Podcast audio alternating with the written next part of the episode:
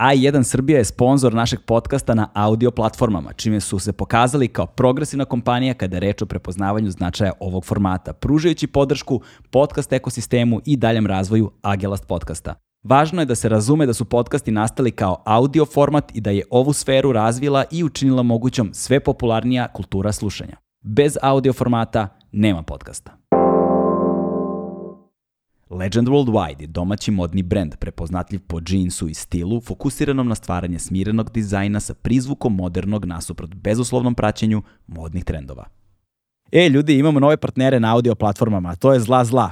U pitanju je brend koji verovatno već znate, a koji već 20 godina pruža podršku svim zaljubljenicima u kanabis kulturu. Imaju najveći i najopremljeniji CBD i head shop u ovom delu Evrope po imenu Zlaštek. Odnedavno, zla zla Lemon Haze CBD headove u teglicama možete kupiti na svim boljim kioscima u Srbiji.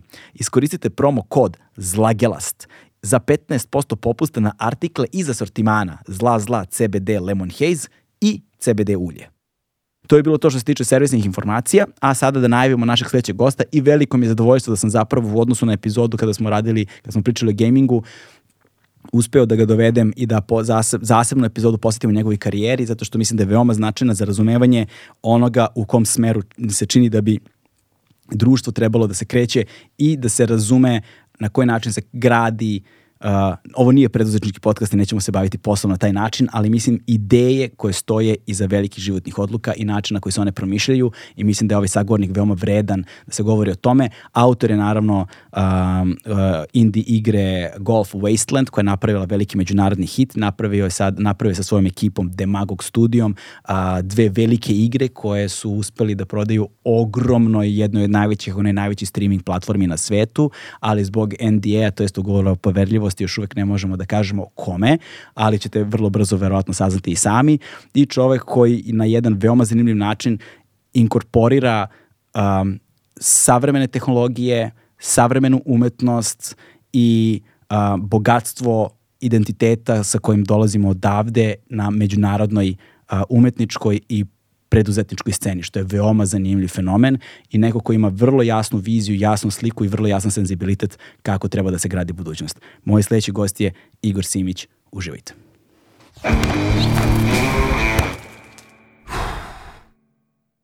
Hmm.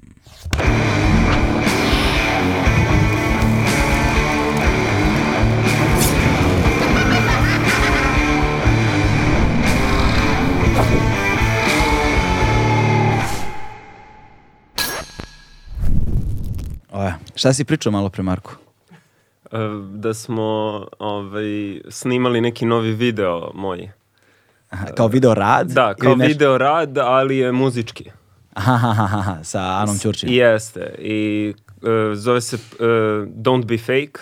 Aha. I ona je kao voditeljka uh, Post Fake News programa. Mm -hmm. I onda uh, lyrics ide u suštini u onom uh, na topu gde idu kao naslovi Kroll, vesti. Kroll a u krolu dole ispod u Kaironu A u idu Kaironu. ovaj, e, druge kao humorističke vesti koje nisu direktno vezane za pesmu. Mhm, okej. I to je koncept i to traje jedno tri i po minuta i tako. Ali čekaj, sad ka- kako se povezuje tekst koji ona govori sa tim vestima i sa ovim humorom, mislim sad, znaš, Da. pokušam da skapiram šta se tu dešava. Pa treba da se vidi. Znači, e, fora je u tome da ideja je mi smo fake u svojim odnosima i to je na neki način povezano i sa navodnim fakeness-om um, vesti i slično.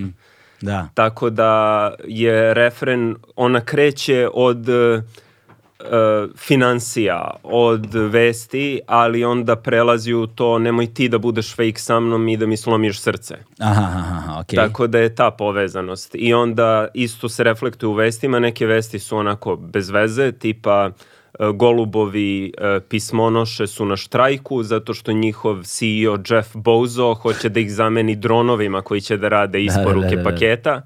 Ovaj, Ali to je već počelo, čini mi se. E, pa eto. Ne, ne znam, mislim, znam da su to bile... sa dronovima eksperimentišu, da. Aha, aha. I onda organizuju, toma, na engleskom je pigeon pooping strike. I, ovaj, i tako, PPS. Da. Tako da idu te takve vesti, međutim poslednja vest je da je došlo do deficita bezuslovne ljubavi i da onda se organizuju tutori koji pokušavaju da treniraju ljude da makar mimikrijom mm. um, pokazuju ljubav kako bi to imalo nus efekat u uh, rastu totalnog koeficijenta ljubavi u društvu, pošto se sve tako ovaj, da. poluekonomski tretira. Da, e, ali pazi, uh, jesi li ti primetio, na primer, da sad ću, sad ću možda da lupim ono glupost, znaš, da. kao ograđujem se odmah. Ali nekako mi se čini da zahvaljujući tehnologijama a, nam se promenila priroda ekspresije. Mm. A, recimo, koliko puta sam, sam se zatekao u situaciji kao, vid, znaš, kao da pišem nekome ha, ha, ha, umiram od smeha, kao pišem poruku kao neko mi poslao mim, ja da. kao šta god, ono, umiram od smeha, ali faca mi je potpuno, dok to pišem, da. kao ha, ha, umiram od smeha, faca mi je bezizražajna, znaš. Da. I, ovaj, i da nekako uh, što manje u svakodnevnoj komunikaciji imamo potrebu za fascijalnim ekspresijama, mm ovaj, to ih onda ređe upotrebljavamo. Ne znam kako da, da ima smisla to što govorim. E, ima. Tu sad ima dve stvari. Jedna stvar je, to sam primetio, na primjer, e, kad sam sa Amerima, da kažeš neku foru i oni kažu, oh, that's so funny. Da. ovaj, ali druga stvar je da um, tehnologija, ono što se često kaže, tehnologija je alat koji možeš da koristiš za dobro i za da, loše. Da, da. E sad, uh, ono što, korak dalje u tom razmišljanju bi bio um, alat je napravio čoveka, a ne kontra. Da, da. Znači, da. Uh, onog trenutka kada je neko dizajnirao, ajde konkretno recimo da kažemo iPhone, uh, znači ti imaš čitav istorijat dizajna, mm -hmm. koji je prošao zbog drugih društvenih okolnosti kroz različite faze. I sad nedavno sam baš pričao s nekim o tome. U 19. veku imaš tipa koji se zvao William Morris, koji uh, je dizajnirao tapete, tako neke stvari i vrlo su lepi ti paterni. I bio je uh, miks uh, kapitaliste preduzetnika i soci, anarhosocijaliste. Kapitalista, preduzetnik da. i anarhosocijalista. Da. Ok, ok, I ok. Sad, uh, Izvini, ima u ovom trouglu tuge, onaj razgovor između Woody yes. Harrelsona i, i Zlatka Burića, kad kaže uh, uh, I'm an Russian capitalist da. and you're an American socialist. uh, ovaj, e, i sad do, dosta su zanimljive te familije, njegova supruga je bila muza svih onih slikara koje zovu pre-Rafaelites, znači uh, ono, lepotica, uh, njen ljubavnik je bio glavni slikar tog vremena u Britaniji. Ovaj, ali u svom vremenu William Morris bio dosta poznat kao pesnik pre svega. Mm -hmm. Znači, to je vrlo široka jedna erudicija. Da. I trudio se da uslovi rada budu najbolji mogući. E, I sad, cela ta tekovina je bila između ostalog inspiracija za Bauhaus, mm -hmm. koji je bio više škola, ali opet su se trudili da postoji ta neka vrsta horizontalnog uređenja, da svi uče, da uče različite oblasti i tome slično. I imali su određene proizvode i karakteristika tih proizvoda je bila minimalnost. I e, od, odate, odakle su, e, potekli su Miss van der Rohe, e, Walter Gropius, a Clay i Kandinsky, dva da. slikara, su bila u toj istoj ekipi. Znači, to je Minhenska škola. E, i sad šta se dešava posle toga? E, zatvara se Bauhaus e, zbog e, nacista, međutim e, dobija neku vrstu second wave popularnosti u SAD kako ljudi emigriraju i ti ostatke tih ideja imaš sad u Apple-u i u Ikea. Mm -hmm. Ali bez svih ovih, uh, da kažem, tog tereta uh, da to sad treba ne znam koliko moralno da bude, da ima ne znam kakvo političko uređenje u kompaniji i tome slično. Ovaj, tako da, o, to je jedan aspekt. I sad šta je tu zanimljivo da um, ti kada dizajniraš nešto, ti obično kažeš ja ovo dizajniram za ljude, ali ono što latentno tu stoji je ja redizajniram čoveka. Mm. Da. I e, na taj način svaka stvar od starih alata, znači onaj čuveni rez u Odiseju u svemiru, do e, iPhona e, je e, dobra pogodnost koja istovremeno menja međuljudske odnose, utiče na političke odnose i na čoveka. Da, da vidiš, da se nadovežem na to. Um, mobilni telefon je promenio puno toga. Promenio je način na koji komuniciramo, promenio je jezik koji govorimo. Dakle, menja nas, kako kažu u Fight Clubu, ono, things you own end up owning you. Mm -hmm. e, ovaj, tehnologija nas je promenila promenila je način na koji mislimo, način na, na način na koji govorimo, jezik nam je promenila. Mm. Kao što kaže, sam pomenuo malo pro Fight Clubu, things you own end up owning you, mm -hmm. jel te? Zna? I recimo, kada smo telefonirali ranije, osim toga što se predstaviš, jel te, mi nismo ranije govorili gde si. To nije postojalo. Gde si, jer nas se rodilo s mobilnim telefonom. Da. Jer, naš, gde bi mogu da budem dok da. je telefon bio fiksni, jel te, znaš? Ovaj, ali isto tako, uh, uh, desilo se, to se sa postmodernizmom negde desilo zapravo, ta, ta, ta promena u narativu. Um, um, imaš recimo, uzmeš Van Gogovu cipelu i uzmeš Warholovu cipelu. Mm -hmm. To su dve cipele, naš, naslikane, ali potpuno drugačijem kontekstu. Naš, mm -hmm. uh, kao, jel te, tomato, ne ovaj, uh, konzerva Campbell's, posulja, Campbell's, yeah. jel te, konzerva posulja. Dakle, ti imaš sada brisanje, odnos, odnos sadrži, sadržine i forme, i sad brisanje sadržine i forme i kontekstualnosti koju ta sadržina nosi. To je negde sad i taj postmoderni odnos prema velikim narativima prethodnih epoha. Mm -hmm. Znaš, znači, Van Gogova cipela je opterećena narativom epohe u kojoj je kreirana. Znaš, i ti sad imaš tu tonu intertekstualnosti, tonu ono, e, semantičkog potencijala koji sad može da se grana na različite strane i sad ti ne možeš u velikoj meri uh, da, znaš, ti možeš da se diviš umetničkom delu kao umetničkom delu, ali ne iscrpljuješ njegov potencijal ukoliko ne razumeš kontekst mm -hmm. zeitgeista, jel te, duha vremena u kojem je nastajao. Ironično, bez obzira što je eliminisan i što je kao negde imaš taj ironični otklon od velikih narativa u postmodernizmu koji eliminiše dakle te velike narative i kao suprotstavlja im se, ironično, znaš, bez konteksta i dalje ti propuštaš onda veličinu pop arta, mm -hmm. znaš, na taj način. Ali da, ali sa savremenim umetnošću se išlo ka destabilizaciji, dekonstrukciji zapravo tih velikih narativa. To je ono što si ti govorio. Znaš, to su te kao elementi gde su od kandinskog ekipe i naš Bauhausa preuzeli taj minimalizam, samo lišen, jel te, to se dama desilo sa evo sa tim uh, ono, neoromantizmom, kako bismo nazvali, 90-ih. Mm -hmm. Znači, sad 90. su se već uveliko preuzele kao stilska odrednica, lišena svih onog značenja koje su ona sa sobom imala 90. godina. Da, da, Šuškavac je preživeo. Da. I Air Max i mnoge druge stvari. Da. Znaš. Ovaj, I to je sada postao samo manir.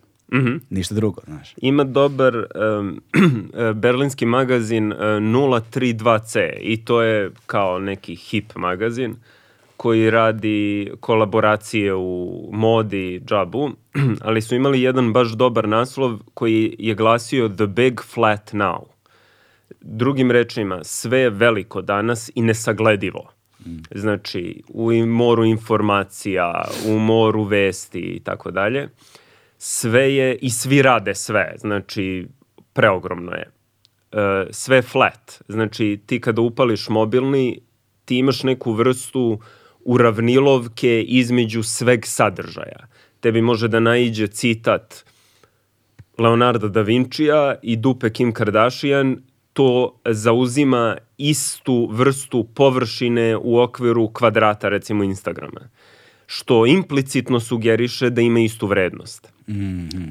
I ta uravnilovka je nešto na čim može da se lamentira i da se kaže, eto, to su trubili toliko kod nas, naročito ovaj, o sunovratu vrednosti i tako dalje, a može da se traži neki potencijal, znači da dolazi do nekog brisanja i sad treba do, doći s nečim novim. Mm -hmm. I now, znači sve je instant, sve se dešava istovremeno, dok mi ovo snimamo, ovaj, ima još deset nekih snimanja, ima još deset drugih boljih mesta da bi ti mogao da budeš ili ja i isto tako osoba koja bude ovo gledala može da uključi još 10 tabova i da paralelno radi druge stvari. Što uglavnom i rade. Tako je. Zato je u celom marketingu imaš onaj attention grabbing. Da. Kako da zadržiš te što su kliknuli, kliknuli pa da ostanu. Jeste. I zato živimo i u attention economy. Tako da um, ako je sve to, znači veliko,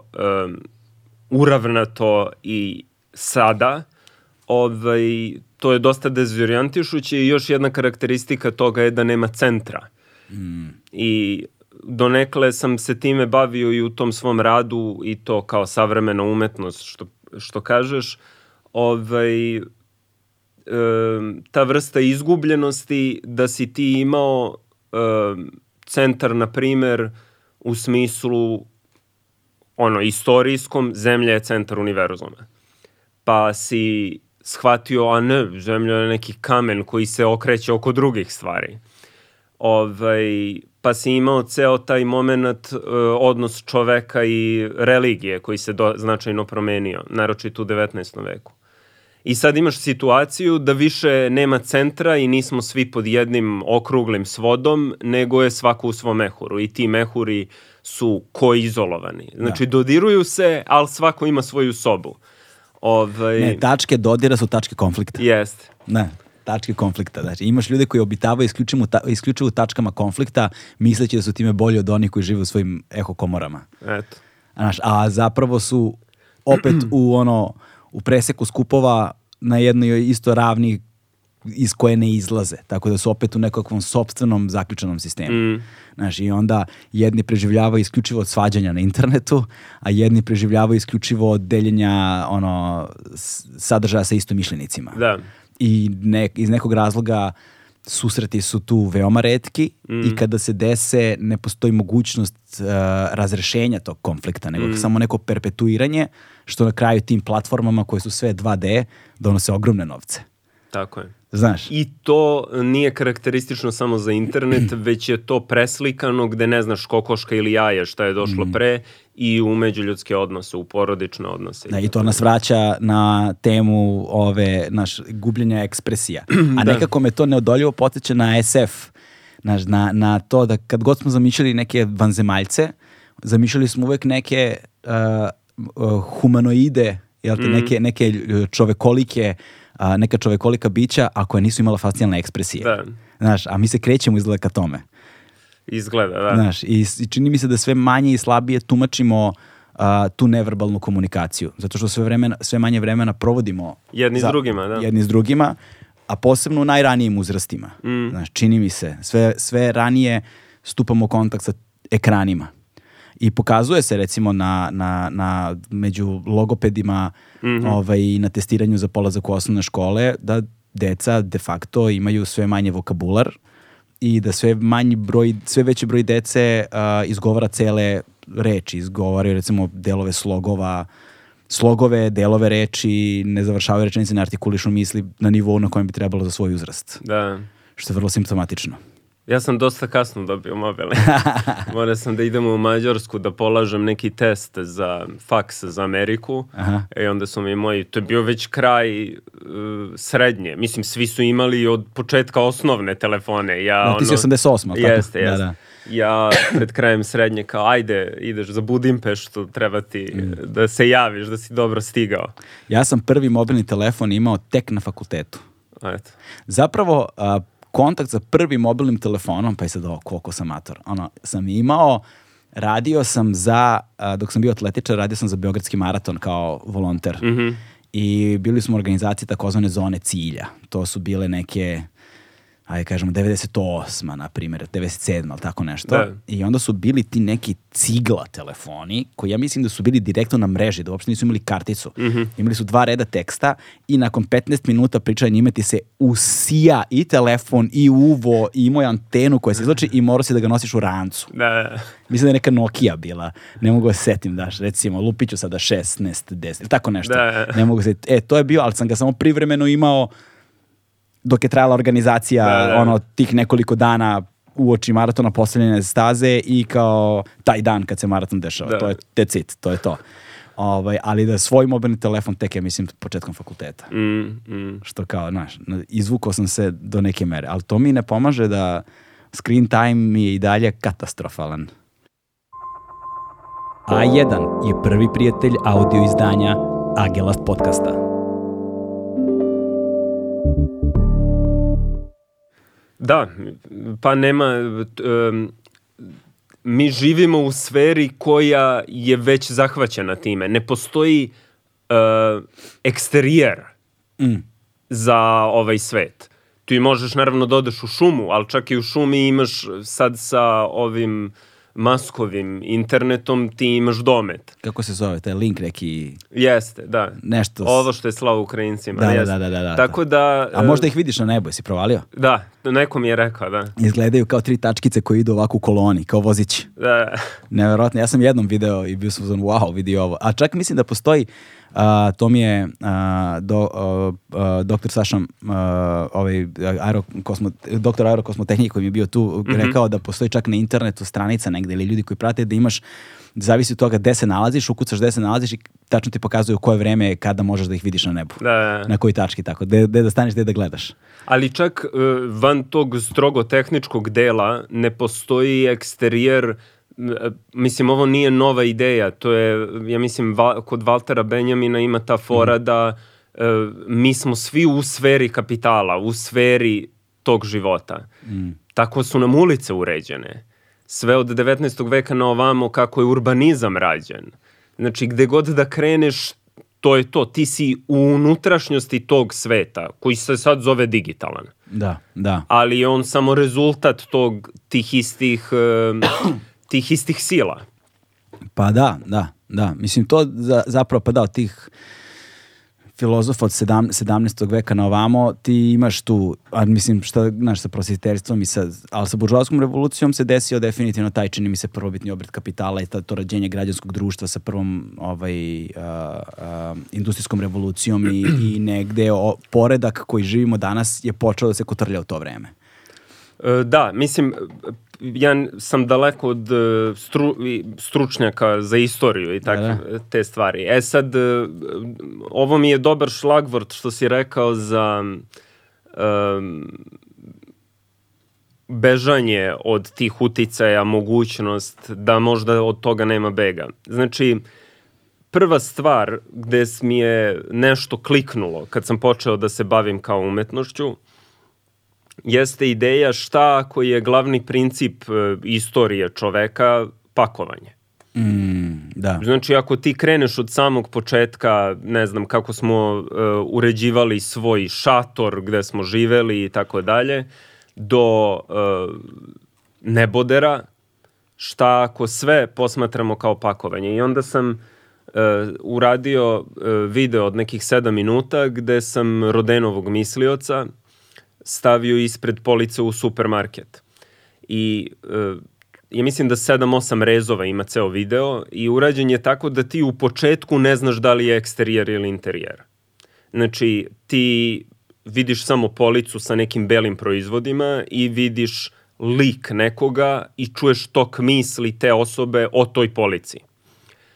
Međutim, kako se menja na svaki naredni rez, i misli postaju sve šire i sve obuhvatnije, jer je krenulo od pakovanja za ketchup, senf, chips, ali onda postepeno to postaje tema pakovanja radnika u fabrike, afričkih robova u porakokijanske brodove. To je bilo na onom survival um, uh, albumu uh, Bob Marleya. Je bio kao ta čuveni, taj čuveni diagram kako se pakuju um, robovi u potpalublje. I uh, znači i završava se pakovanjem prirode. I ti u stvari posle, u poslednjem kadru u totalu otkrivaš da si na vrhu planine. U igrom slučaja snimali smo na Beljanici. I e, to je taj shift u perspektivi koji se desi za 7 minuta. I polica krene da gori zbog vrata pakla, što je referenca na mislioca. I um, ono što uh, mi je tu zanimljivo jeste da jedna, jedan isti princip, recimo princip pakovanja koji je koristan, može da ima potpuno različite efekte i motivacije zavisno od drugih uslova. Mm -hmm. Znači, ok, ti pakuješ, ajde da kažemo, ono, nastanak privatne svojine, kažeš ovo je moja parcela, ono je tvoja parcela. Međutim, u tom radu ja povezujem to pakovanje čipsa sa koncentracionim logorima, jer ti želiš i tu vrstu etničkog pakovanja. Mm -hmm. To je, na primjer, zanimljivo. Aleksandar Klug je uh, filmski reditelj, filozof, napisao je dosta knjiga, sad je mislim da ima već 90 godina, to je cela ta generacija Godara i to. Ovaj, na primjer, oko uh, os, pouzdanosti, kao karakteristika, da je neko pouzdan. Znači, u principu je dobra stvar. Mm -hmm. Međutim, sa ono, Max Weber, razvoj E, protestantske etike i razvoj kapitalizma, ti dobijaš da pouzdanost na širem društvenom planu je vrlo korisna, na primjer, da bi funkcionisala birokratija u društvu. Da ljudi dolaze na vreme, da se završavaju sve kontra od onoga kako naša birokratija radi. Mm. Ovaj, ali... Ja birokratsko telo se samo sobom hrani i samo od sebe uvećava. Eto. To je te, Terry Gilliam lepo pokazao u filmu Brazil? Brazil? Brazil, Brazil da. da, da, da, to. Remek delo. I sad, um, međutim, ista ta pouzdanost um, je da ovi vozovi, sad je pre neki dan bilo da je neka žena od 90 i nešto godina osuđena jer Jeste, je bila... Da. da Za 105.000 duša. Da. Da, u kojoj u nacističkoj Nemačkoj bila, šta ona beše bila? Sad nešto, da, zaboravio sam, da, da. video sam vest, video sam vest, da. E, i znači ti imaš pouzdanost koja tu ima potpuno drugu konotaciju. Mm. Jer je ona pouzdano radila svoj posao. Da. I sad je to isto zanimljivo. Kao i Adolf Eichmann na kraju kraja. Tako je. Znaš. Koji je to stepen otuđenosti, gde si ti toliko uh, je um, sastavni deo tvoje osobenosti je postala ta vrsta slepog sleđenja te jedne ovaj, karakteristike.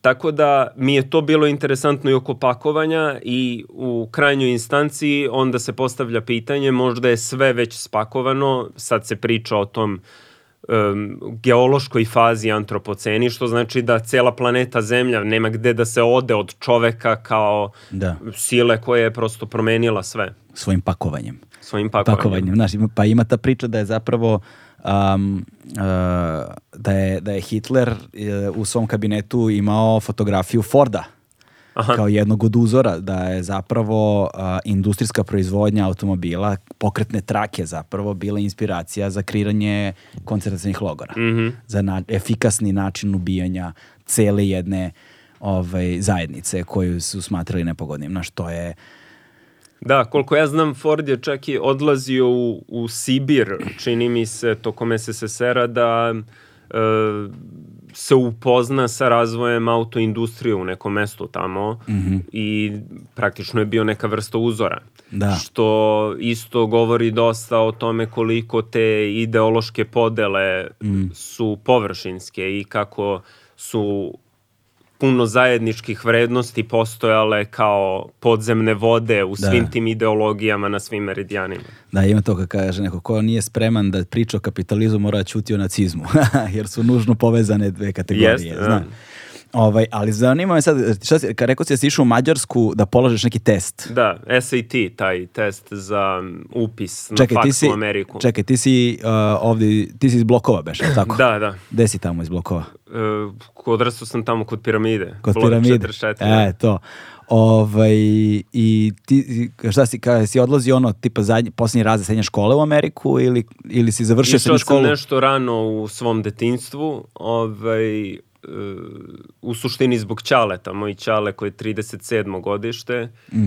um, on je um, otišao, emigrirao tamo 60-ih i e, bio je u suštini u to vreme protesta protiv rata u Vijetnamu i tako dalje. Flower power generacija, da. da, da. I to je, mislim, zanimljivo isto apropo ideologije. Mislim, sad ne bih da pričam o Ćaletu, ali nedavno je preminuo, pa mi je to negde razmišljanje o tome mi je sveže. Ovaj, e, Ćale je uh, hteo, on je ovde završio elektro... Prvo, je iz familije koja nije imala ništa. Mislim, vrlo skromno su živeli i on je stalno isticao da su njegovi roditelji bili nepismeni, a on je do, završio prvo Nikolu, srednju Nikola Tesla, pa ETF. Da. I onda je bio neki razgovor oko odlaska na uh, postdiplomske i neko mu je rekao, i ra razgovor je bio o Rusiji, o Sovjetskom savezu. Međutim, rekli su mu tu samo članovi, pa on nije bio član partije. Idu ljudi koji su viđeni da idu tamo, ne možeš ti samo na bazi toga što si pametan da odeš. I neko je rekao, ja imam prijatelja italijana u Njujorku, idi tamo i tako je on bez znanja jezika otišao ovaj, u New York na Polytechnic Institute of Brooklyn koji je danas sastavni deo New York University. Koji si ti završio? A ja sam završio Columbia University. A Columbia University. Da, ovaj, i da, tako da je za mene prirodna odluka to bila. Ja ovde sam išao u matematičku gimnaziju do kraja i onda sam, ja mislim da sam imao 18 godina ili 19 otišao za New York. Čekaj, koje godine to bilo? To je, znači, plus... Dve, znači ja sam diplomirao 2011. ove redovne studije, znači 2007. na 8. tako nešto. Tako nešto, aha, i onda kao, kako je to izgledalo? Mislim, nemam, nemam pojma kako to funkcioniše, šta, moraš u Mađarskoj da polažeš nešto? Nije u bilo to ovde. vreme, da, u to vreme to je, su bili ti, znači ti za te Ivy League škole, pored klasičnog SAT-a, moraš da položiš i te subject SATs, i to dva, i onda odabereš koji predmet. Ja mislim da sam radio matematiku i neku e, ono anglosaksonska književnost, tako neka fora.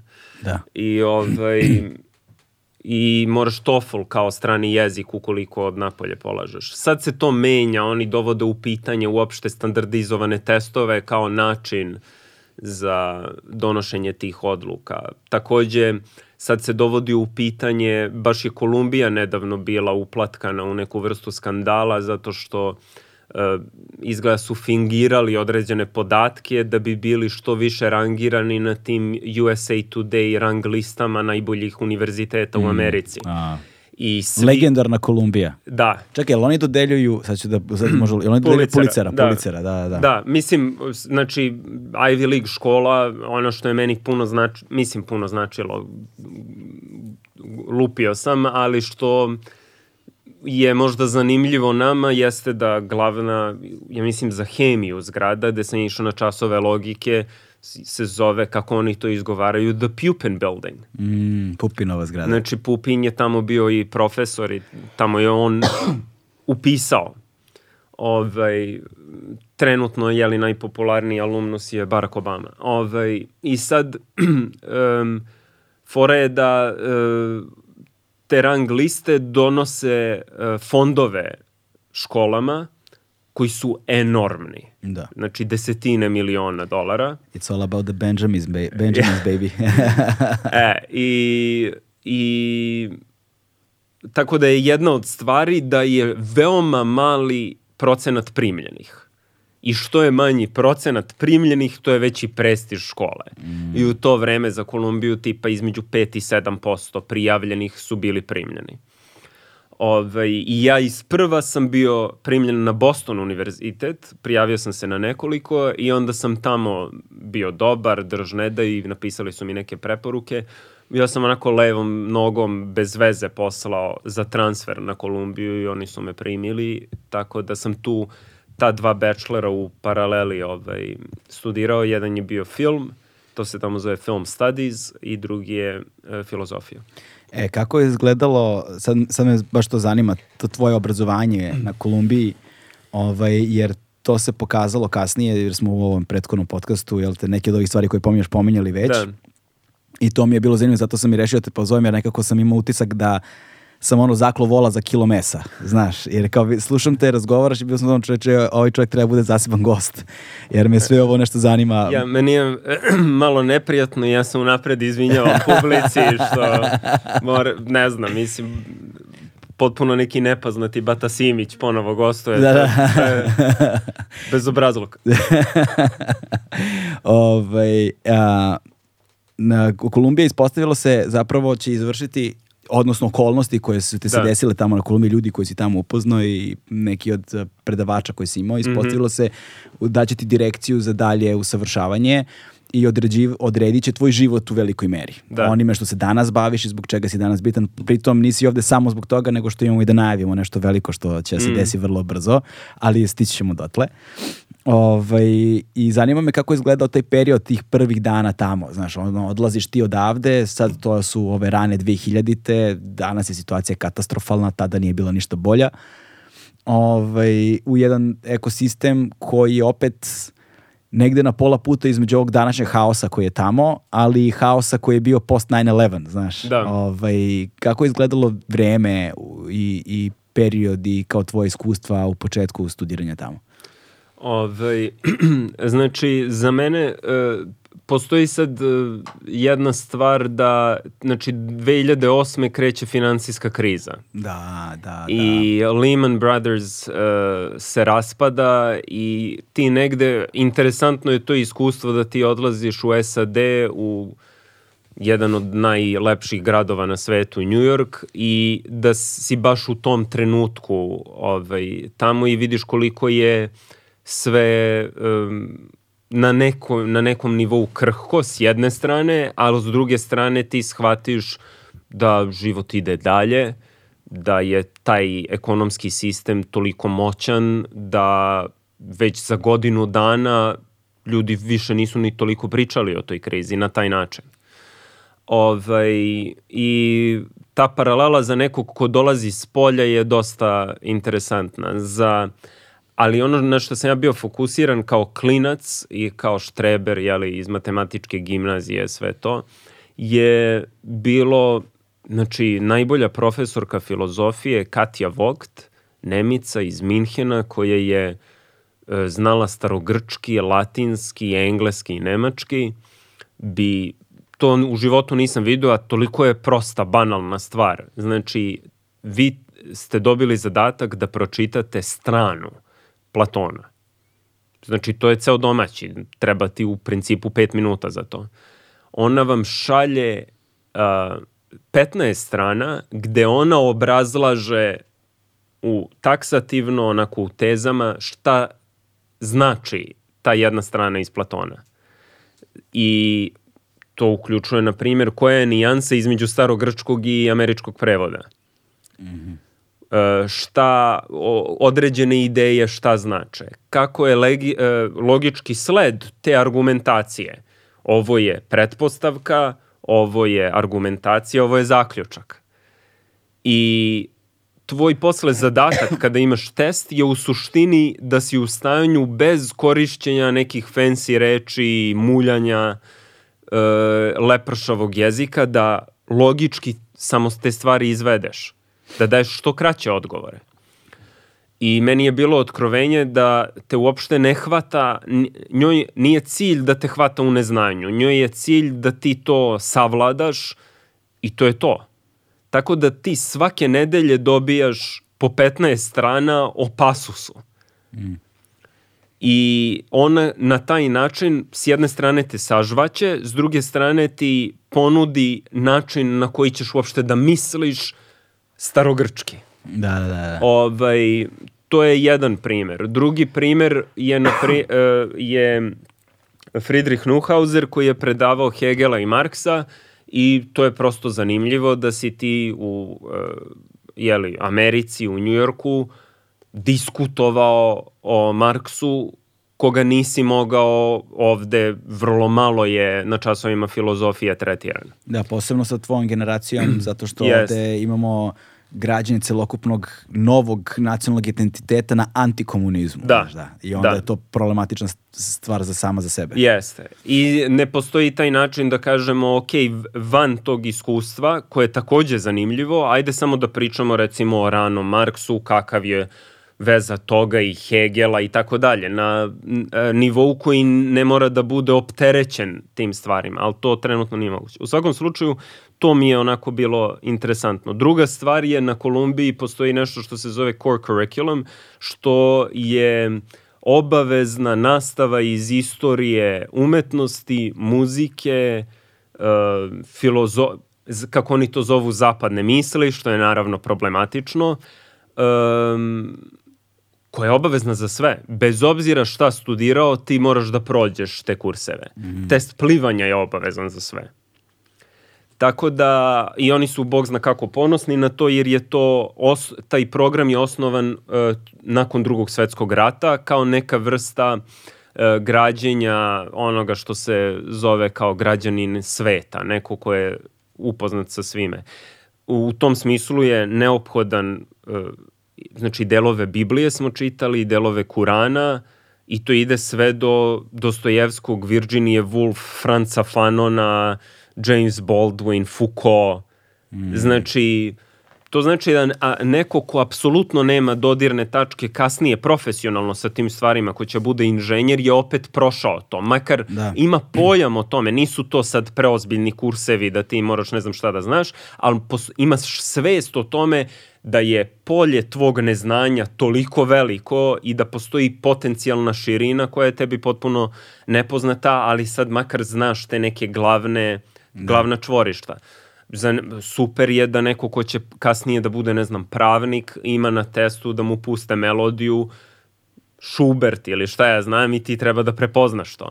Da. Tako da to je bilo lepo um, i što se tiče studija filma, uh, imao sam profesora Richarda Penju koji je u to vreme bio artistic direktor New York Film Festival i on je znao apsolutno sve. Znači on bi rekao u tom i tom uh, premotajte VHS do tog i tog minuta jer znam da tad počinje ta scena. I to je znao za sijaset filmova i e, radio je, pomagao je Scorsese ovim tim arhivama u restauraciji e, filmova i jedan film je bio neki egipatski, ja ne mogu imena da se setim, koji je ceo sniman u Magicu. Mm -hmm. Znači, ono, praskozor je i e, dešava se oko tih piramida i neki beduini tu, ne znam, kradu stvari iz, iz piramida ta jedna VHS kopija je jedina kopija van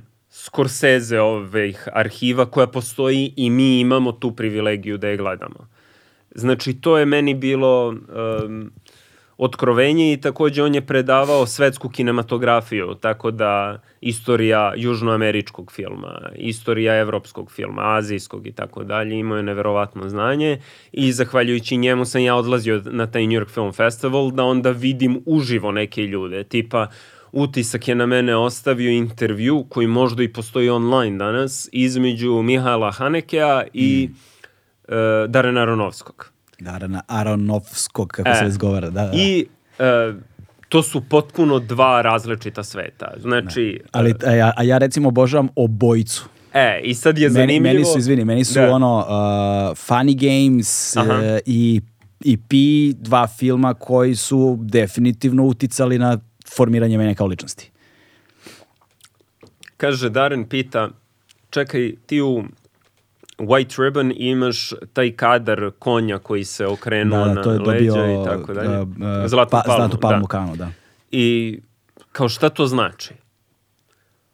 A pazi, znači, da, uh, Aronovski je obučen u košulju kariranu, u neke boots i uh, plave farmerke. A Haneke je crna rolka, crni blazer, crne pantalone i ona njegova bela brada. Haneke kaže pa ume, umetnost e, je da se tumači, nema jedno značenje. U fazonu glupot je pitanje. Aha. Kao tajac. I sad da Aronovski nastavlja. Kaže, da li e, možda, ja sam sad došao sa snimanja Rvača, i e, Miki Rourke i ja, mi smo pričali o ulozi, improvizovali, zajedno smo gradili lik. Da li vi možda nekada improvizujete sa svojim glumcima jer dobijate tako e, e, tačne role od njih? Haneke kaže, puno razgovora je znak da ne znate šta radite. I tako ide dijalog. Tako da, e, ja sam tad imao recimo 21 godinu i to mi je bilo zanimljivo. Vidiš prosto ovaj, um, žive ljude. E sad, um, uh, Anete Insdorf mi je predavala um, istoriju filma i fokus je bio na nepodnošljivoj, nepodnošljivoj lakoći postojanja mhm. Kundere mm. i filmu e, Kaufmanovom e, po knjizi dosta se razlikuju. I e, to je bilo zanimljivo jer je ona bila, na primjer, prevodilac François Truffaut, ta je generacija i tako. I sa njom sam ostao u kontaktu i, i nakon faksa. Ali ono što je, na šta e, ti ovaj, usmeravaš jeste Paul Schrader. Znači, master studenti, ja sam znači bachelor bio student, master studenti filma koji su mahom studirali druge stvari tokom redovnih studija. Onda upišu masteru u nadi da će sad da postanu, jeli, ovaj, da se prekvalifikuju za film. Nisu svi u tom slučaju, ali veliki broj. I što znači da su oni već u svojim srednjim, kasnim 20-ima, ali bilo je puno ljudi koji su čak u 30-im. Tako da bi ti, ja sam viđao jednog kolegu sa filma koji je već imao ženu i dete i onda odlazi na faks i tako.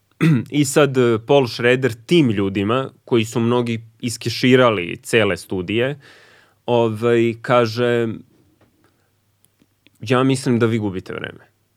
Znači, da sam ja na vašem mestu, ja se uopšte ne bi bavio režijom. Da se prvo razumemo, ukoliko mislite da će da budete njujorski uh, reditelji i da pripadate toj školi, Spike Lee, Jim Jarmusch uh, i tako dalje, vi biste uradili što je većina njih uradila, a to je batalili biste školu. Da.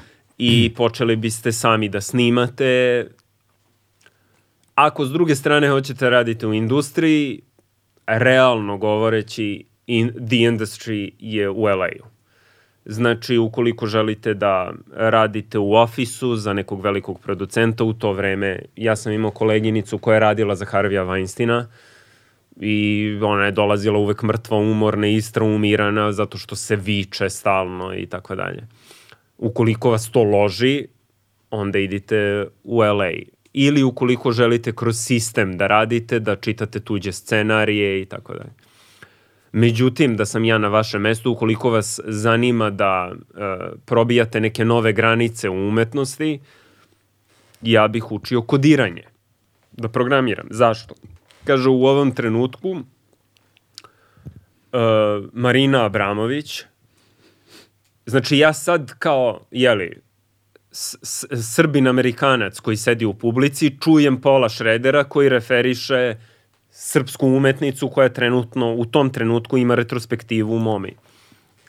E, bez obzira šta mislili, da li to vredi ili ne, ono što je interesantno u njenom e, primeru, kaže Paul Schrader, jeste da je interaktivno. Znači ti treba da sredne, sedneš preko puta nje i da se gledate u oči. Drugim rečima nije slika na zidu. Um, I kaže, to je spektrum savremene umetnosti. Na drugom kraju spektruma u mainstream kulturi je u to vreme izašao Avatar i kaže, svi pričaju o tom 3D-u, to je realno gimik.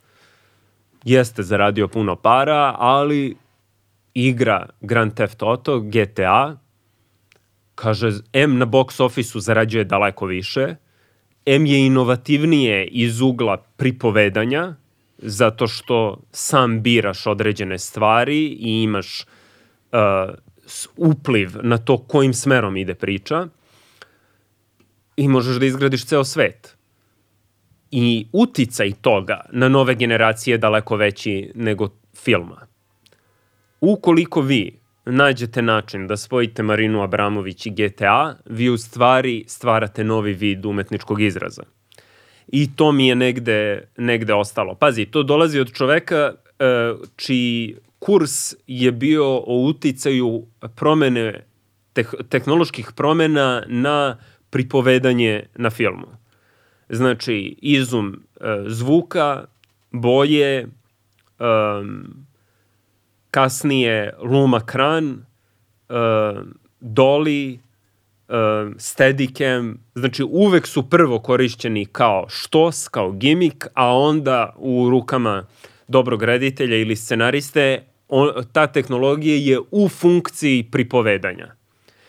I, um, I pazi, to je čovek koji je napisao njegov taksista sa De Niro, mislim, napisao je scenario za to, um, je inspirisan Robertom Bressonom, koji je ono, klasičan art house filmski reditelj uh, i njegovim filmovima uh, Diary of a Country Priest i Pickpocket. Znači, u stvari on dolazi iz tog uh, nazovi spiritualna kinematografija mm -hmm. i na neki način ga amerikanizuje i taj svoj guilt trip koji ima jer dolazi iz vrlo religiozne porodice pretvara u nešto što sad mi znamo kao novi Hollywood. Da. Ovaj, tako da e, to je u tom trenutku on već ima, ja mislim, ili 70 ili 65 godina. Govori o ogromnoj otvorenosti za nove stvari. Znači ja dan danas sam skeptičan prema video igrama, a kao vodim gaming studio, da. a on pokazuje veliku otvorenost u tom trenutku. Pazi, uh, dosta toga si pomenuo što mi je zanimljivo.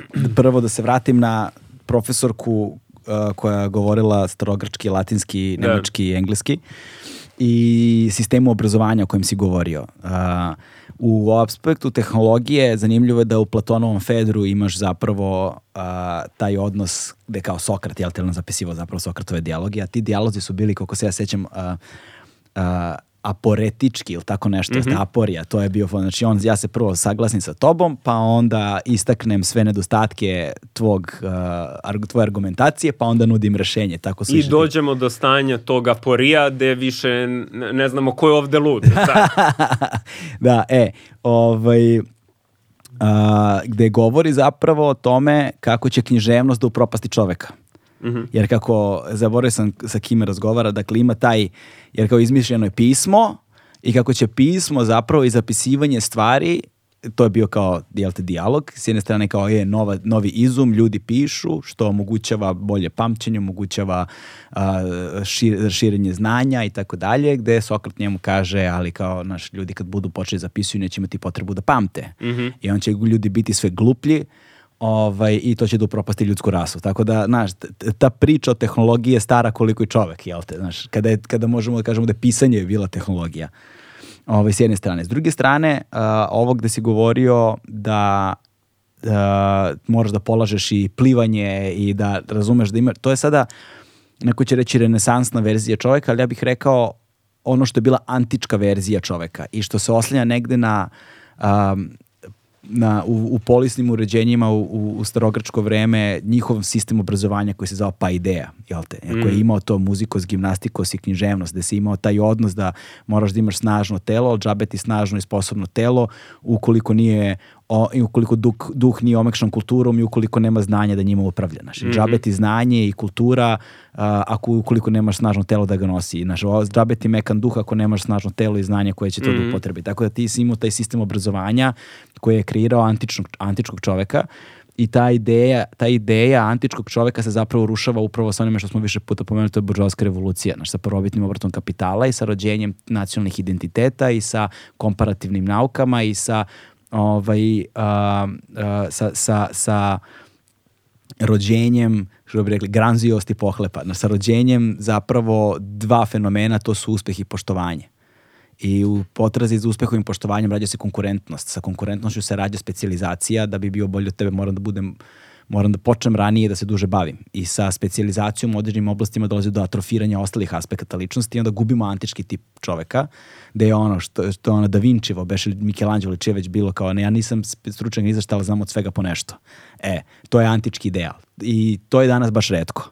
Neko ko ne želi da bude stručan ni u jednoj oblasti, nego da ima to široko znanje, po, široko znanje iz različitih oblasti, ali pomalo. Znaš, da, da, to, to sam ja u suštini potpuni duduk za sve i muljam sve to zajedno. ovaj, I zanimljivo je, ali vidiš, znaš, ispostavlja se da na kraju dana su ljudima potrebni društvu, civilizaciji su potrebni takvi ljudi jer to su ljudi koji mogu, bez obzira na to što nemaju stručno znanje ni u jednoj od pojedinačnih oblasti, ali mogu da integrišu različite oblasti i da dolaze do novih ideja zato što su im otvoreni putevi. Imaju temelje za razumevanje različitih stvari. To, da li će pusti Šuberta, znaš da ga prepozna. Znaš, a advokat je, šta si već rekao, Da. razumeš, e. Tako da to je, ovaj, to je vrlo zanimljiv koncept, jer onda ispostavlja se da se to povlači kao jedna zajednička nit sve do tvog iskustva sa Shredderom i da Shredder dan danas je to. Znaš, Da. znači u svojim poznim godinama, u svojoj ono posljednjoj životnoj fazi, nekoj po, poznoj životnoj fazi, jel te? On i dalje gaji tu vrstu otvorenosti, jer mu je jasno da postoji permanentno stanje promene Da.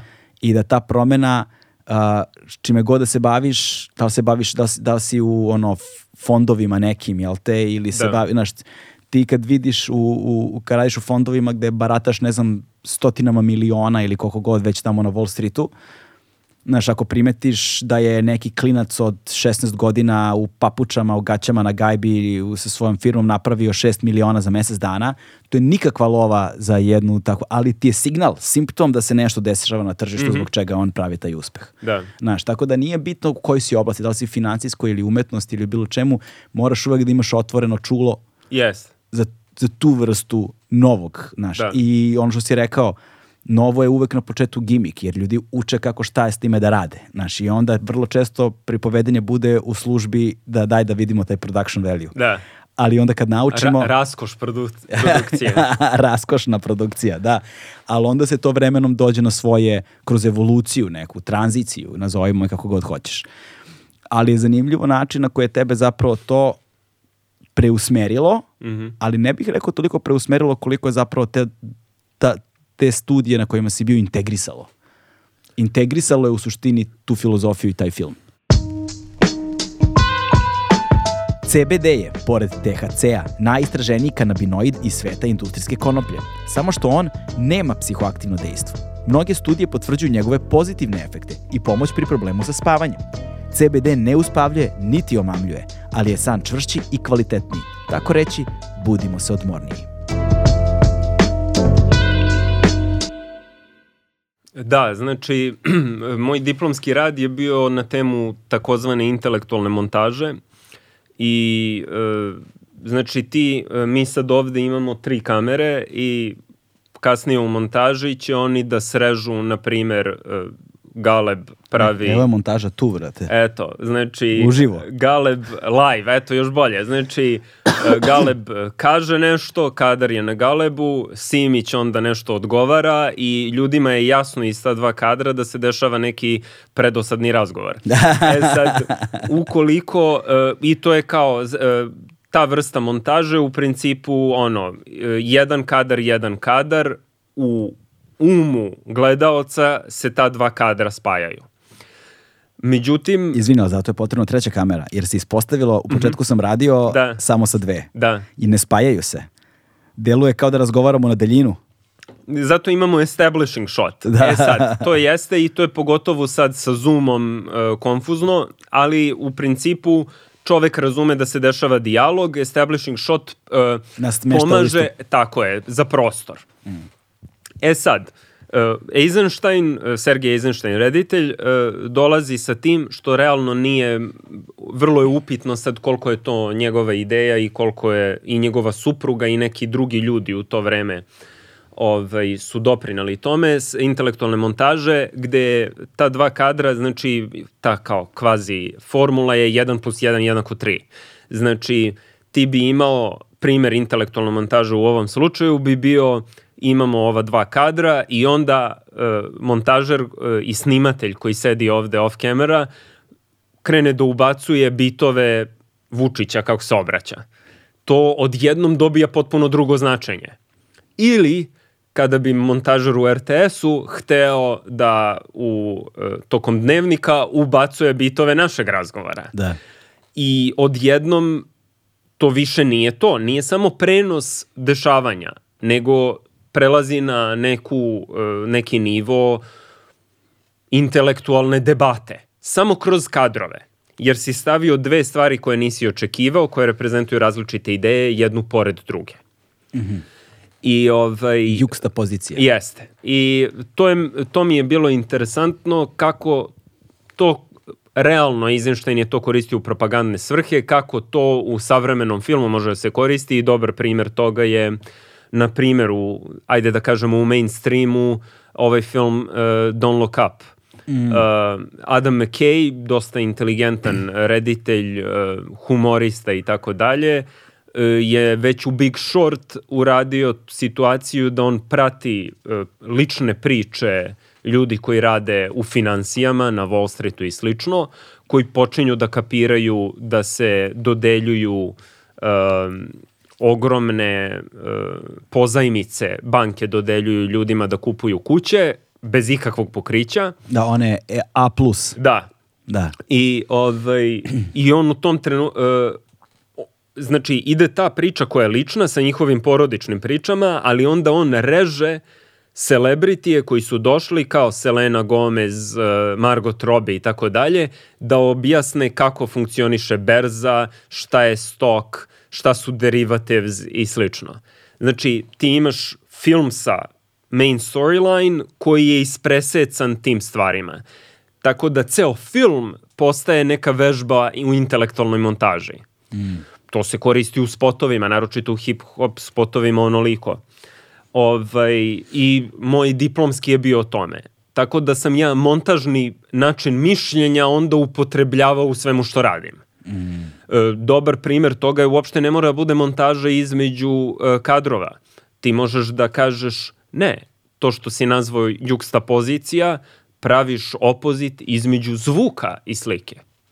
Znači, Jean-Luc Godard u jednom filmu uh, je ova, na stolu stavio ženu koja razgovara sa svojim suprugom. I ona njemu opisuje seksualno iskustvo koje je imala sa jednim drugim parom. I to postaje vrlo uzbudljivo. Čak i neko kuvano jaje učestvuje u celom tom seksualnom aktu. Šta radi Godar? On kreće uh, muziku koja je uh, iz ofa da pojačava. Tako da publika jeli, ono što kao bunjuelovska buržaska publika kreće da se načuljuje jer hoće da čuje šta, kako kuvano jaje učestvuje u tom aktu. I ovaj, Znači, on se igra sa našim očekivanjima u zvuku.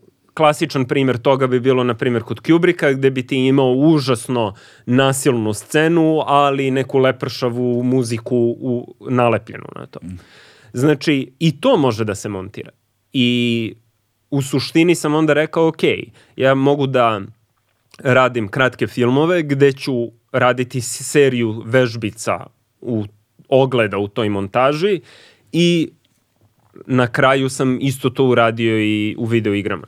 Da, e vidiš, ovaj, da, dakle, šta si, a šta si u toj konkretnoj intelektualnoj montaži radio?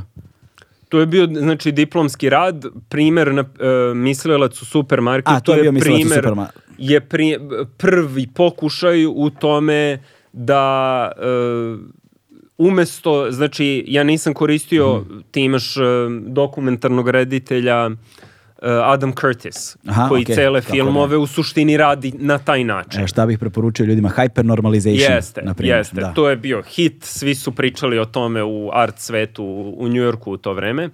I uh, to je jedan primjer. Ne, ne, ali sam ja ovde hteo na jednom setu, iz praktičnih razloga, jer sam imao para da finansiram taj dan snimanja, ali i takođe da ti iz ograničenja izvučeš maksimum, jeli, kao... Da kao dogma pokret, znači kažeš ok, ukidamo osvetljenje ovo ono, ajde da vidimo šta možemo da dobijemo od najmanjeg mogućeg, jer nam to jača taj kreativni mišić. I, Izvini, kako se zove ovaj film sa, sa Nicole Kidman? Gde ni... Dogville. Dogville, da, Dogville da. je odličan primjer jeste, toga. Jeste, da. I, ovaj, I e, to je znači bio mislilac gde sam ja u stvari koristio, pazi, imaju u vidu, Kolumbija univerzitet je sad u, u poslednjih, šta znam, 10-15 godina preuzeo vođstvo u odnosu na škole na zapadnoj obali u tome kako tretiraju pripovedanje. Znači, puno scenarista su zapravo završili na Kolumbiji jer su naučili ono što Amerikanci zovu the fundamentals. Da, da, da. Ove, ovaj, Pričali smo o tome. Zašto, yes. zašto je meni evropska pripovedanje otišlo dođevola. I taj storytelling, znači kako pripovedanje, kako e, taj, tako, mislim, to je sad e, postao i kliše, ceo taj um, herojev put, mm. um, ali dobro, u svakom slučaju nauče te osnove i mi smo imali, ja mislim, Pa pola semestra se samo radila analiza Rokija. Mm.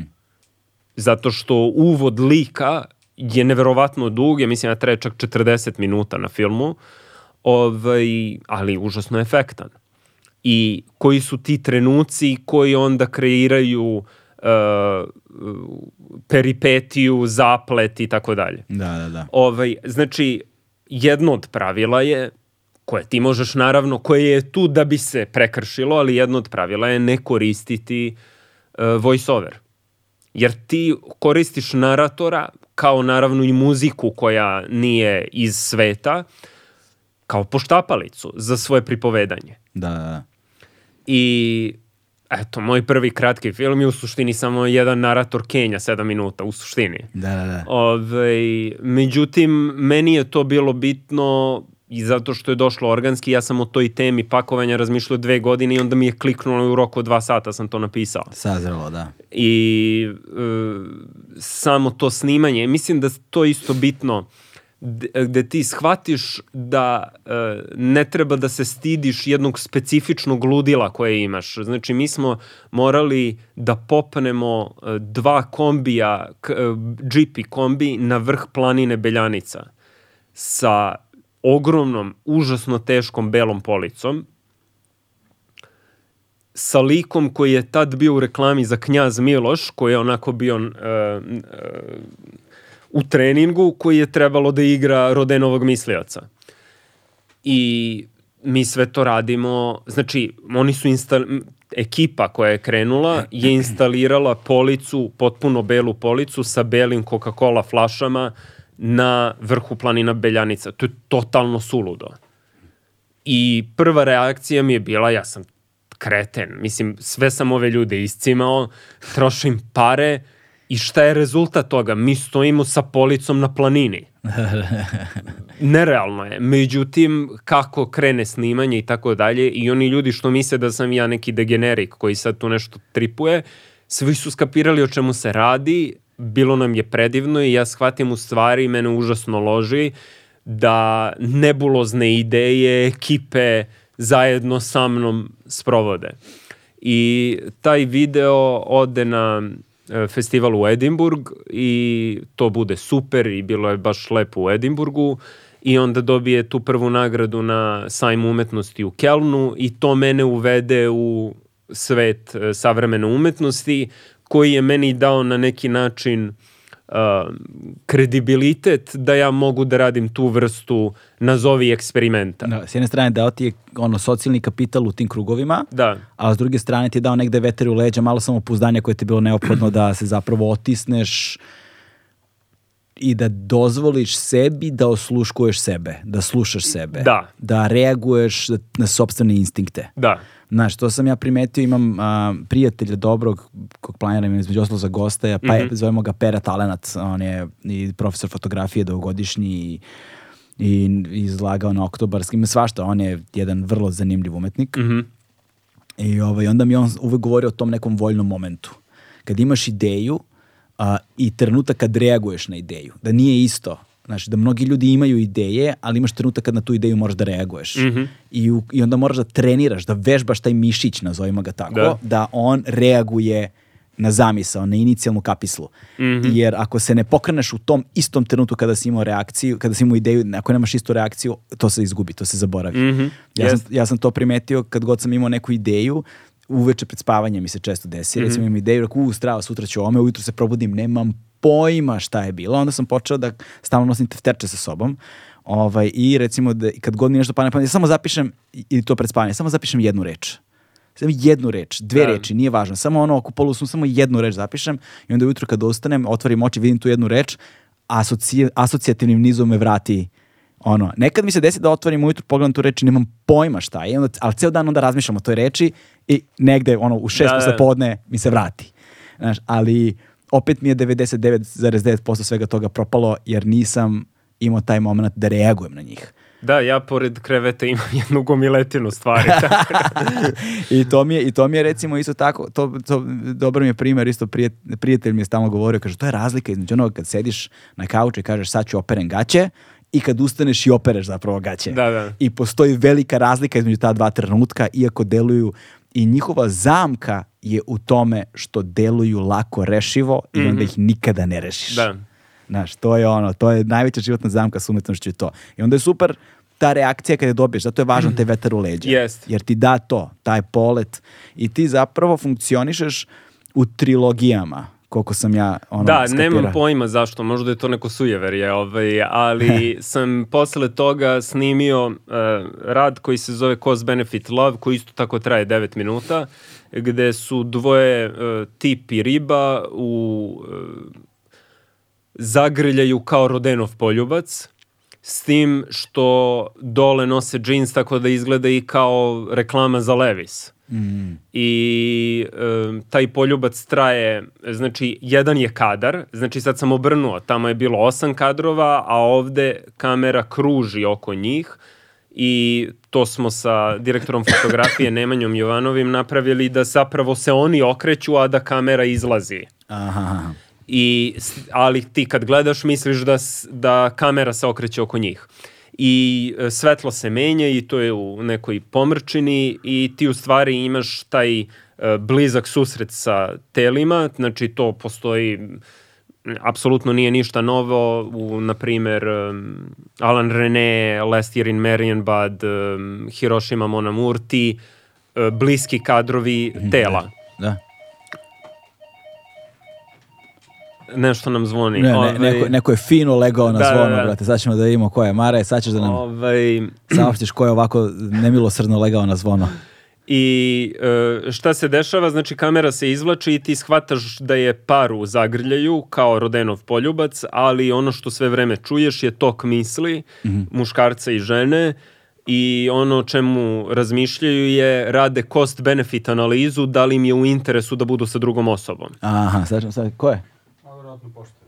Poštar, brate. Ovaj, I, em, I sad šta, šta, šta je ideja bila tu? E, znači, tip razmišlja o raznim stvarima, kakvi su planovi profesionalni za život, gde će da živi i tako dalje. Ona razmišlja o tome da je već našla posao u drugom gradu i slično. I istovremeno sa tim su neke banalne misli. Znači njemu smeta što je e, kod, na njenom stopalu prst do palca duži od palca, a e, razmišlja o tome da li je, ka, kakve zvuke ispuštala dok je bila sa prethodnim tipom i tako dalje. Samo sekund, Da. a, to je grčko stopalo. Eto. Je li tako? Znači imaš, imaš, imaš, da, imaš grčko i egipatsko. Da. Egipatsko je kada imaš ono ko braća Dalton. Znači palac je najveći pa idu tako, znaš, pravo. A grčko je kada je prst do palca najduži. Mislim da je to zbog uh, skulpture i crteža. Jer kada Aha. su u Egiptu crtali likove, u dve dimenzije, kada su crtali stopala, morala su tako da budu. I onda Da, se da. ovo zove egipatsko. A kada je krenula grčka skulptura, Ove, ono su, ne, oni su isto imali, izvini, Rimljani su imali skulpture, a ovi su imali, jeste, crtež, ali je bio drugačiji, ono, tu, mis- mislim, mislim da sam u pravu. Grčko je kad je ovaj do palca duži. eto, se, eto, grčko stopalo, da. Eto, E, izvini, što sam d- prekinuo. Dragi svi foot fetishists, ovo je specijalna epizoda samo za vas, posvećena stopalima. Pustit ćemo Tarantinova sva stopala iz filmova. Da, da. Ovaj, e, da, tako da u svakom slučaju e, ide u paraleli njihov tok misli koji A ko je, izvini, a koji je njen banalni tok misli bio? um, tok misli je bio da ona um, ne može, uh, kao ovo je 21. vek, ja ne, uh, imam svoje odluke, on bi trebalo da se prilagodi mojim željama, jer ja trenutno i više zarađujem, imam bolji posao i tako dalje. Dobro, to nije banalno. Ne, ne, nije, nego A da. pokušavam sad da se setim Aha, tih nekih okej, okej. stvari. Da, ima, znači, na primjer, da ima kolegu na poslu koji, kome stalno govori kao ne, ne, ja sam u vezi i tako dalje, ali ipak, kako bi rekla, znaš, ovaj, You never know. Da, a on odmah se čuje njegova misla, mi, misao e, treba imati plan B, uvek ima i plan B. Da, da, da, da, da, da. E, šta znači? To znači da e, i onda kreću misli da se preklapaju, tako da postaje samo jedna anksiozna konfuzija. Koju prekida vibracija mobilnog telefona. I Shane Berry, e, lik sa kojim radim zvuk i muziku, je napravio tako da je to takav ono buffer se čuje rumble ako pustiš u galeriji, da to deluje kao neko kosmički ono poziv. Podrhtavanje. Da. Ovaj, I ona se javlja na telefon, izlazi iz kadra, znači taj plan, e, taj um, par je rasturen i on iz off screen uzima neki milkshake, srkne i tu se završava video. I u suštini je rad o uh, pounutrašnjenju tržišnih odnosa mm -hmm. i kako uh, posmatrati na drugu osnovu, uh, osobu kao nešto instrumentalno. Znači, ja imam određene ciljeve u životu, lupam uh, da osnojem porodicu džabu, ova osoba može to da mi omogući. I sad, to je interesantno da ti imaš una, uh, ljudi su me pitali zbog čega ja imam, mi svi tako funkcionišemo, ali zašto kad ja vidim ovaj video imam čudan osjećaj? Da, da.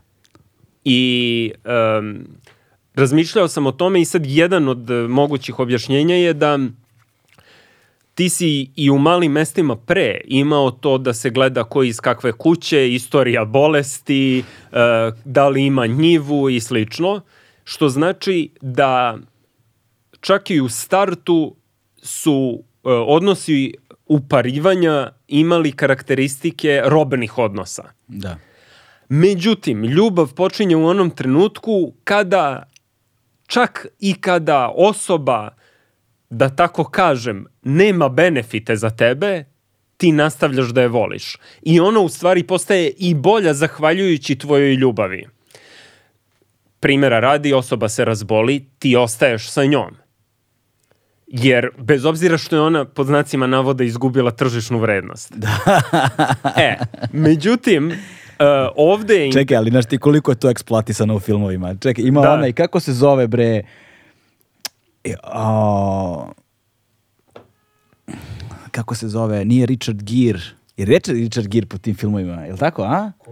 Šta, American Gigolo? Ne American Gigolo, nego ima te, ono, ona se razbolela. A, onda... ima onaj, ti misli, da. Da, da, jesen u Njujorku. Jesen u Njujorku, je to Richard Gere, je tako, brat? Tu, tu, tu se taj princip tvoj zapravo da, dešava, da, da. E, i sad, e, dobro, e sad, fora je u tome da...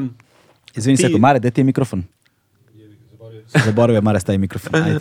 Ove, ovaj, e, ti, e, međutim, u ovom slučaju ti e, imaš da to tržišno cinculiranje i vaganje se nastavlja u nedogled i da taj moment, nazo, nazovimo to ljubav, uh, se u suštini nije ni desio. I ne, neki ortak je video film i kaže, sutradan mi je rekao, ja raskinuo. Vidio sam film i to je to. Ja sam skapirao da sam ja u ovom modu i... To je to. Dobro, ja ne preuzimam odgovornost, da. ali ovaj, uh, znači to je interesantno i interesantan je još jedan taj uh, E, to ima kod e, Aleksandra Klugija ta ideja da ako gledamo na istoriju čoveka kao na istoriju kolonizacije, znači prosto ljudi idu na razna mesta i menjaju mesta gde su došli obradom zemlje držne. Da smo sad došli do trenutka gde više nema šta da se kolonijal, kolonijalizuje i da je sad došlo vreme da kolonijalizujemo unutrašnjost čoveka. Mm. Između ostalo e, digitalnim tehnologijama. I, ovaj, I onda oni u stvari taj princip uh, cost-benefit analize gde ti treba hladnokrvno da vagaš različite stvari ovaj, primenjuju na ljubavni odnos. Ali je stvar u tome uh, ti u sebi, to što si pomenuo da određene karakteristike se osnažuju, a druge atrofiraju, uh, unutrašnjost čoveka je daleko složenija i nepredvidivija nego samo tržišni odnosi. Tako da gomila latentnih stvari koje postoje u čoveku se ispoljavaju na vrlo čudne načine. koji su anksioznost, depresija itd., ali i takođe ta vrsta uh, beskrajnog lupa misli koji nigde ne vodi. da, da, da. I pazi, to je fora, opet nije ništa novo. Kod Beketa si imao glavni trenutak kad je on skapirao da ima nešto novo da ponudi je kad je rekao ok, ja sam radio te tokove misli zbog Joyce-a, ali sam onda skapirao da treba u stvari da se redukuje, redukuje, redukuje. I Dok nije u- napisan ni scenarij o kojima smo naslov. Jeste. Tako da ovde je bila ideja, ok, ja ću redukovati estetiku, bit će jedan kadar, ali će onda biti stalni šum u stvari njihove neodlučnosti, e, sijaseta opcija, nepoznavanje sopstvenih želja. To je isto interesantno. Emocija, čista emocija u nekom elementarnom stanju je vrlo racionalna stvar. Ona ti, emocija je preteča mogućnosti da razlikuješ stvari, da praviš distinkcije, privlačno, neprivlačno, ukusno, neukusno i tako dalje.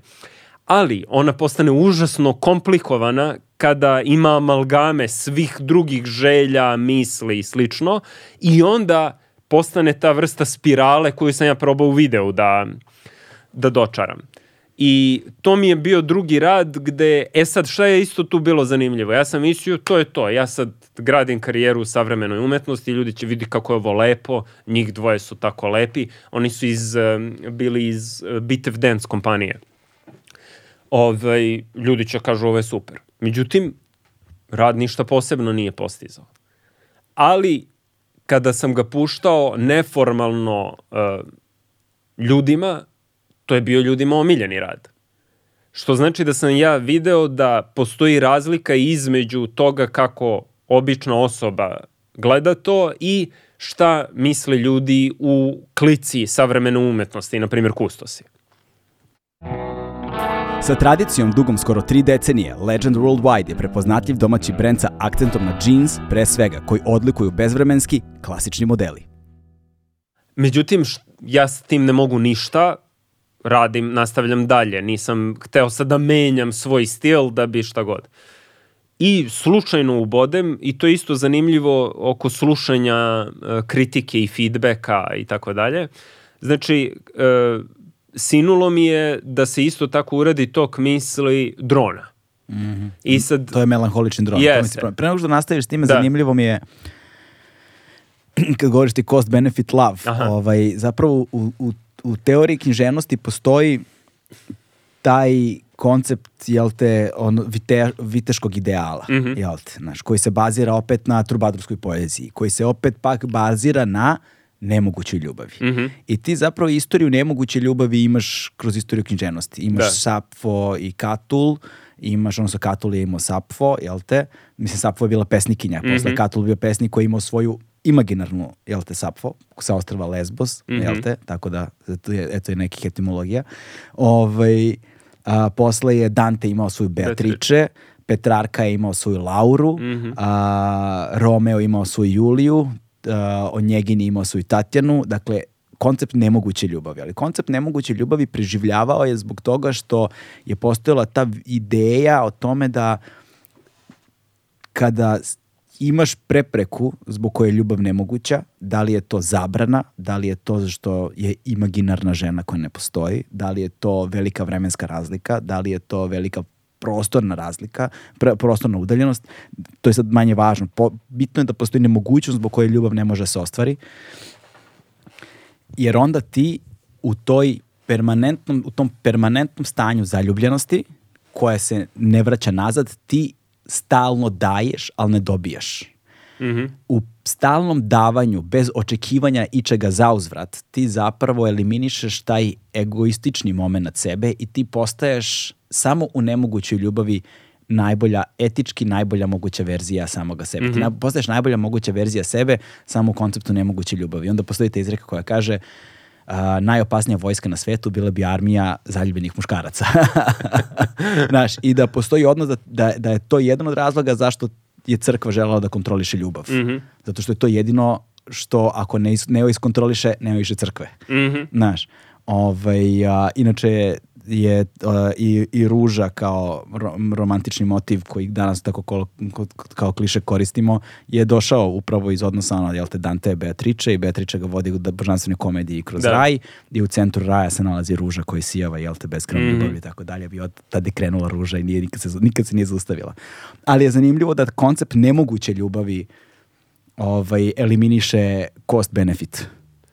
E, da, Znaš, u ovom, kao sad, da. vodimo razgovor, znaš, nije, Da, ne, da, ne, ne nužno, da. ali mi je zanimljivo kako Jeste, bi to, to, moglo da vodi dijalog. S tim što je ovde više, e, fokus bio više na tu vrstu, um, pff, ajde da kažemo, rastura pažnje libida. Znači da tvoj libido istovremeno se iskazuje kroz profesionalne stvari, kroz rastur želja, kroz milion uh, lepih uh, To je- guza na Instagramu. Kako novac postaje seksi. Da. Znači to i onda i oni više sami, ne radi se samo o tome da e, postoji egoizam da nisu e, da su i dalje samo dve individue, individue umesto da su dividue, ovaj, nego su em, sami nesigurni u sobstvena osjećanja, ne mogu ni da ih opipaju. Tako da ti imaš, uh, Zigmund Bauman to zove liquid love, znači ti imaš stalno neko muljanje i unutra i između njih. Da, da, da. da. I stalno nam se gubi ta vrsta oslonca. Da, da vidiš liquid love. George Bataille naziva rastakanjem. Aha, ali, ga, ali koje se dešava u trenutku spajanja, fizičkog seksa. Jel Da. te? Jer jedino tada evociramo moment gubljenja sebe i identiteta koji je kreiran kroz ego. Mhm. Znaš, u trenutku spajanja s nekim drugim ti se rastačeš na jednom fizičkom nivou i na trenutak evociraš kako izgleda gubiti sebe. Tako je, ali to, uh, ajde tako da kažem, dobra, uh, uh, bolja romantična ideja, Da. jer ti imaš onu drugu stranu. Nije toliko koju- romantična jer ovaj tu evocira smrt u stvari, ali to je sad druga priča. Da. Ali upravo, i Romeo i Julija. Znači, e, kažem to zato što ima ono Žižek, Mm. da je u stvari se svo, u velikoj meri svelo na u, u- uzajemnu masturbaciju, gde i dalje imaš u stvari dve individue. Da, da, da, da, da, Ovaj, da. Tako da, da, mislim, sve to negde prolazi u pozadini tog... Da, provejava, provejava. E sad, da se vratimo na melanholičnog drona. Da, i onda, apropo libida, Mhm. šta ako mi kažemo da jedan dron u stvari je više u saglasju sa svojim libidom nego mi? Mm, jedna tako, aparat jedan. Aparat. E, jedan, da. Da, to si dobro rekao. Bilo bi interesantno snimiti rad o mikseru Da. koji bolje razume sebe nego osoba koja taj mikser koristi da napravi svoj smudi. ovaj, I e, znači ideja je bila ok, e, e, vojni dron leti nad Beogradom i samim tim što je nevidljivi vojni dron, to ima puno konotacija i e, kvaka kod njega je da je užasno vezan za Beograđane i za Beograd. Da, to si pričao na prošlom podcastu malo, ali Da. nastavi, da. Pa i u svakom slučaju ono što se dešava jeste da kroz e, kapiranje ideje eufemizama on u stvari vidi da su nekonsekventni, dvolični, što je u startu komplikuje njemu u njegovom programu nešto, pošto je on nula jedinica, ili jeste ili nije, nema sad nešto između. Ovaj, komplikuje mu koncept i on u stvari u tom trenutku odlučuje da bude slobodan. I da se ne ponavljam, ono što je tu e, ovaj, kvaka jeste da e, par koji on posmatra skoro programski istog dana u nedelji ima, kako on to kaže, snošaj, copulating couple, a on u stvari je baš u tom trenutku postao onoliko slobodan koliko čovek u najvećem trenutku radosti može da se oseti. da. I e, fora je u tome da je isto skapirao e, zbog toga što njegov prethodni operater nije igrao po pravilima i koristio je drona za stvari koje nije trebalo, između ostalog za voajerisanje ljudi, ovaj, da njegov novi operater je suviše programiran, iako je čovek. Tako da je on osvojio polje slobode koje ljudi sami sebi uskraćuju da bi bili korisni u okviru društva, tržišta, hijerarhije i tako dalje. I to je bila ideja melanholičnog drona s tim što sam, u, ja mislim, tu ukačio to osjećanje e, počinje sa terminom Zenzucht iz nemačkog jezika, ta vrsta čežnje za nečim što nisi ni iskusio. On nije iskusio seks, nije iskusio kako je biti čovek, a ima enormnu čežnju za tim koja mu daje taj zamajac da postane slobodan. I, ovaj, I šta jedan nauk tu krajnje praktičan je da smo mi snimili tu verziju sa nekim ko je kao glumac i ja mislim da mi je Miša Mogorović, producent, rekao ovo je dosadno.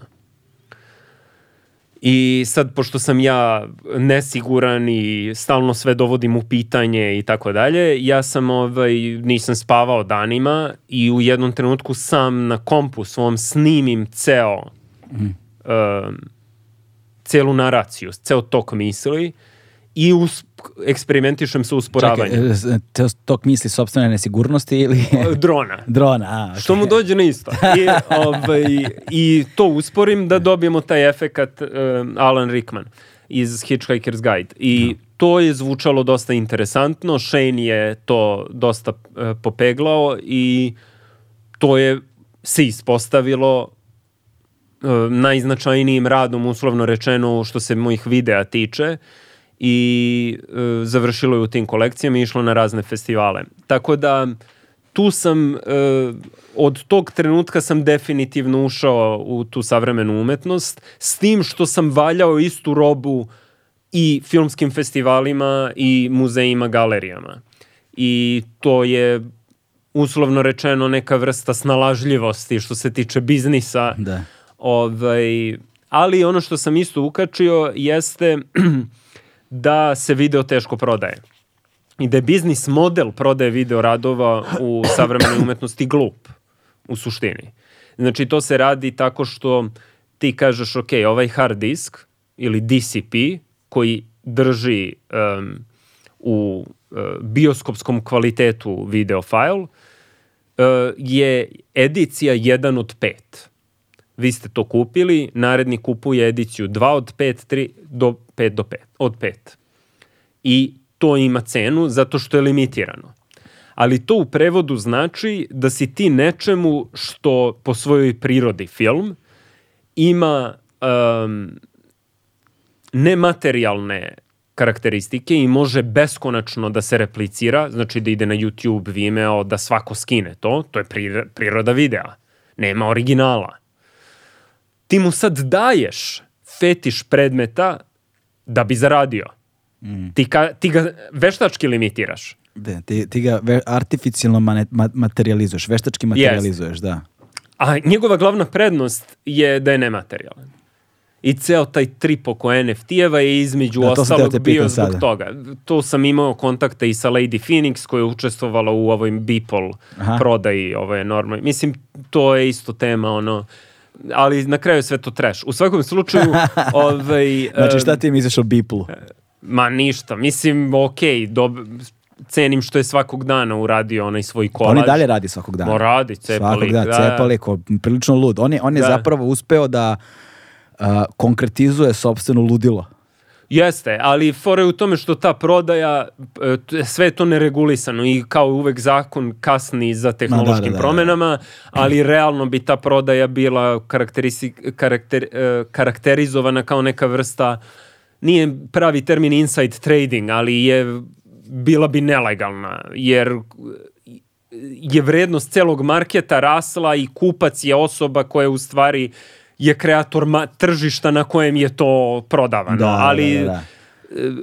Point, hteo sam da kažem da um, to oko videa, da sam skapirao da ukoliko želim uopšte sa svim svojim ogromnim manama, što, o čemu isto možemo da pričamo o savremenu umetnost, ukoliko želim tu da opstanem, da mi je potrebno da prosto eksperimentišem sa još nečim osim čistog filma. Mhm. Mm ovaj, jer se osjećam neiskreno prodajući to. I šta se desi, sine mi, uh, ukačio sam lik, mislim, saznao sam za nekoga uh, revolucionara, Tomasa Sankaru, koji je dao ime Burkini Faso nakon što je izvršio državni puč i Burkina Faso u suštini znači zemlja uspravnih ljudi. Što je dosta moćno onako. Uh, I uh, meni sine, aha, znači, ok, uspravnost, um, Sankaru su naravno posle toga ubili, on je bio neka vrsta afričkog Che Guevara, iako je po mnogim stvarima zapravo mnogo interesantniji, bio je feminista i slično, i bio je vrlo otvoren za tehnologije. Ovaj, u svakom slučaju, aha, današnji, uh, Adam Curtis isto o tome priča, današnji političari ti ni za koga ne glasaš i uopšte ne razmišljaš o tome da su pošteni, da su principijalni. To uopšte čak ne ulazi ni u periferni vid. Ti gledaš ko može da bude najpodobniji birokrata da ovo kako živimo klaj klaj nastavi dalje. Da. i svi su na neki način današnji političari menadžeri. I to loši menadžeri. I da su dobri menadžeri radili bi u privatnom sektoru. I sad, ovaj, i sad šta se dešava da e, ako da bi nje- ta uspravnost bila cool, ona bi morala da bude u digitalnom obliku, u stvari bi najbolje bilo da ti downloaduješ aplikaciju Toma Sankara koja te uči, na primjer, kako da budeš uspravna osoba. I taj tok misli je doveo do ideje šta ako... Dobro, na, engle, na engleskom imaju to standing tall. Jeste, Da, imaju. da. E sad, ko- takođe postoji zajednički idiom gde mi kažemo imati kičmu, Mhm. a oni e, having a backbone. Da, da, da. I meni tu padne na pamet, ok, ajde šta ako je kičma u stvari implant za ljude koji su beskičmenjaci, kao što su političari i e, direktori kompanija, ljudi u biznisu i slično. Da. I ti kupiš implant i odjednom prostaješ uspravna osoba. Ali šta znači imati kičmu u današnjem svetu? U slučaju e, u mom slučaju mog fake proizvoda Spine 2.0, znači nova kičma, e, to je da budeš maksimalno u sinku sa neoliberalnim poredkom i da donosiš odluke koje su uvek racionalne, a šta je racionalno? Racionalno je ono što maksimizuje profit. I e, mi snimimo reklamicu koja dosta sportski onako izgleda od, šta znam, e, minuti 50 sekundi, koja je urađena kao iPhone reklama za kičmu. I, ovaj, I tu sad, to naravno ima zdravstvene benefite, usaglasiti sve čakre, sve to, ne moraš, znači, apsolutno za kak, meditacija i to da tripuješ neku askezu i to, ne, ne, ne, kupi naš implant i ti postaješ i produhovljen, ali i nemilosrdni vođa u korporativnom svetu. I um, to je, znači, i sad to sa Tomasom Sankarom e, nije toliko ludo, znači postoji vrlo popularni go, ono TED govornik i guru u Silicijumskoj dolini koji je govorio da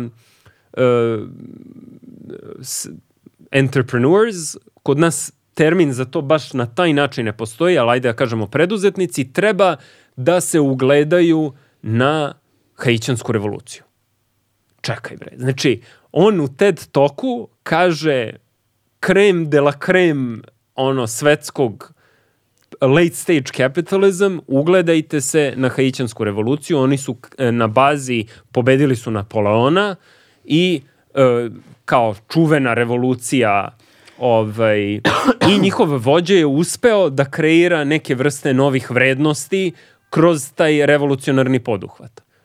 Ali on to govori, e, znači ja to govorim uz namik. Mm. On to govori ozbiljno i motiveše ih. I tu pročeprkam još oko e, tih stvari i poklopilo se da u to vreme je već nastajalo ovo sa mojom kompanijom Demagog Studio, da sam ja imao sve više dodira sa tim tech svetom. I sad, na primjer, oni imaju te kampuse u Kaliforniji gde se svi su pod stresom, svima je užasno teško i onda se okupe u krug i- Demagozi. da, svi su demagozi i okupe se u krug i onda imaju te um, Ja, ja, za mene su to ojkalice, ali u svakom slučaju taj moment gde svi ponavljaju I'm a force of nature, I'm a force of nature i kao dolaze u dodir sa sobom i tako dalje i predivno, mislim, A to je, to je ono pre retreatova. to je u suštini to, da. Da, da, da, da. Ovaj, ali za e, mega, mega, mega bogate. Da. I ovaj... i- Pokušavaju sebe na silu da baždare na kičmu 2.0. Jeste, jeste. Da, da. I to mi, to mi je onako bilo gotivno i mi uradimo taj video i uz video uradim e, predmete. 3D štampom napravimo te kičme koje su u vitrinama. I sad to je referenca na nekoliko stvari. Kičma koja visi je referenca na Dišanovu e, lo- e, na, li, na lopatu. O pisoaru možemo da pričamo, to je užasno e, bitno. Ovaj, ali u svakom slučaju e, lopata koja visi, koja se zove, rad se zove u, em, u iščekivanju slomljene ruke, ovaj, e, to sa lopatom, ovde visi kičma, ali je pre svega referenca na e, Demjana Hersta i na Jeffa Kunca. Kunc je Hooverove usisivače stavljao u vitrine i na taj način govorio evo ovo je nova estetika Hooverov usisivač je vrhunsko umetničko delo današnjice, što naravno nije ništa novo, Dišan je to rekao 50 godina pre njega. Ovaj, ali u svakom slučaju ja sam onda rekao, ok, ajde korak dalje bi bio da unutrašnjost čoveka kao Lego kocke može da se asembluje i to samo po sebi postaje umetnički proizvod koji onda ulazi u čoveka. Ono što smo pričali, znači da, da. E, zaposeli smo sve na polju, sad je vreme da zaposednemo unutrašnjost. Mm i e, funkcioniše i kao neka vrsta armature, znači Atlas, po, vr, poslednji pršljen i ta vrsta uh, uh, unutarnjeg highwaya za mišljenje, reakcije i tako dalje, tu korporacija vidi interes i ta kompanija se zove Atlas Analitika, što je referenca na Cambridge Analitiku. Da, da a takođe i na Atlas Shrugged, Ayn Rand, tako da to, svi su srećni, sve reference pokrivene. Da, da. I, ovaj, Sad ono ljudi koji slušaju, googlaju kao, znaš, se zapisuju kao, znaš. Da, mogu čak i da vide sajt e, te moje kompanije Atlas Analitika i mogu da poruče kičmu. Eto, strava, znači dalje u prodaji. Ma da, Kičma to... i dalje na prodaju. Ma ja valjam, ja valjam kičme samo tako. I tu, se, tu mi se isto nešto otvorilo, odem u Veneciju na Bienale. Aha I e, dolazi e, moja galerijskinja, znači krenuli smo da radimo.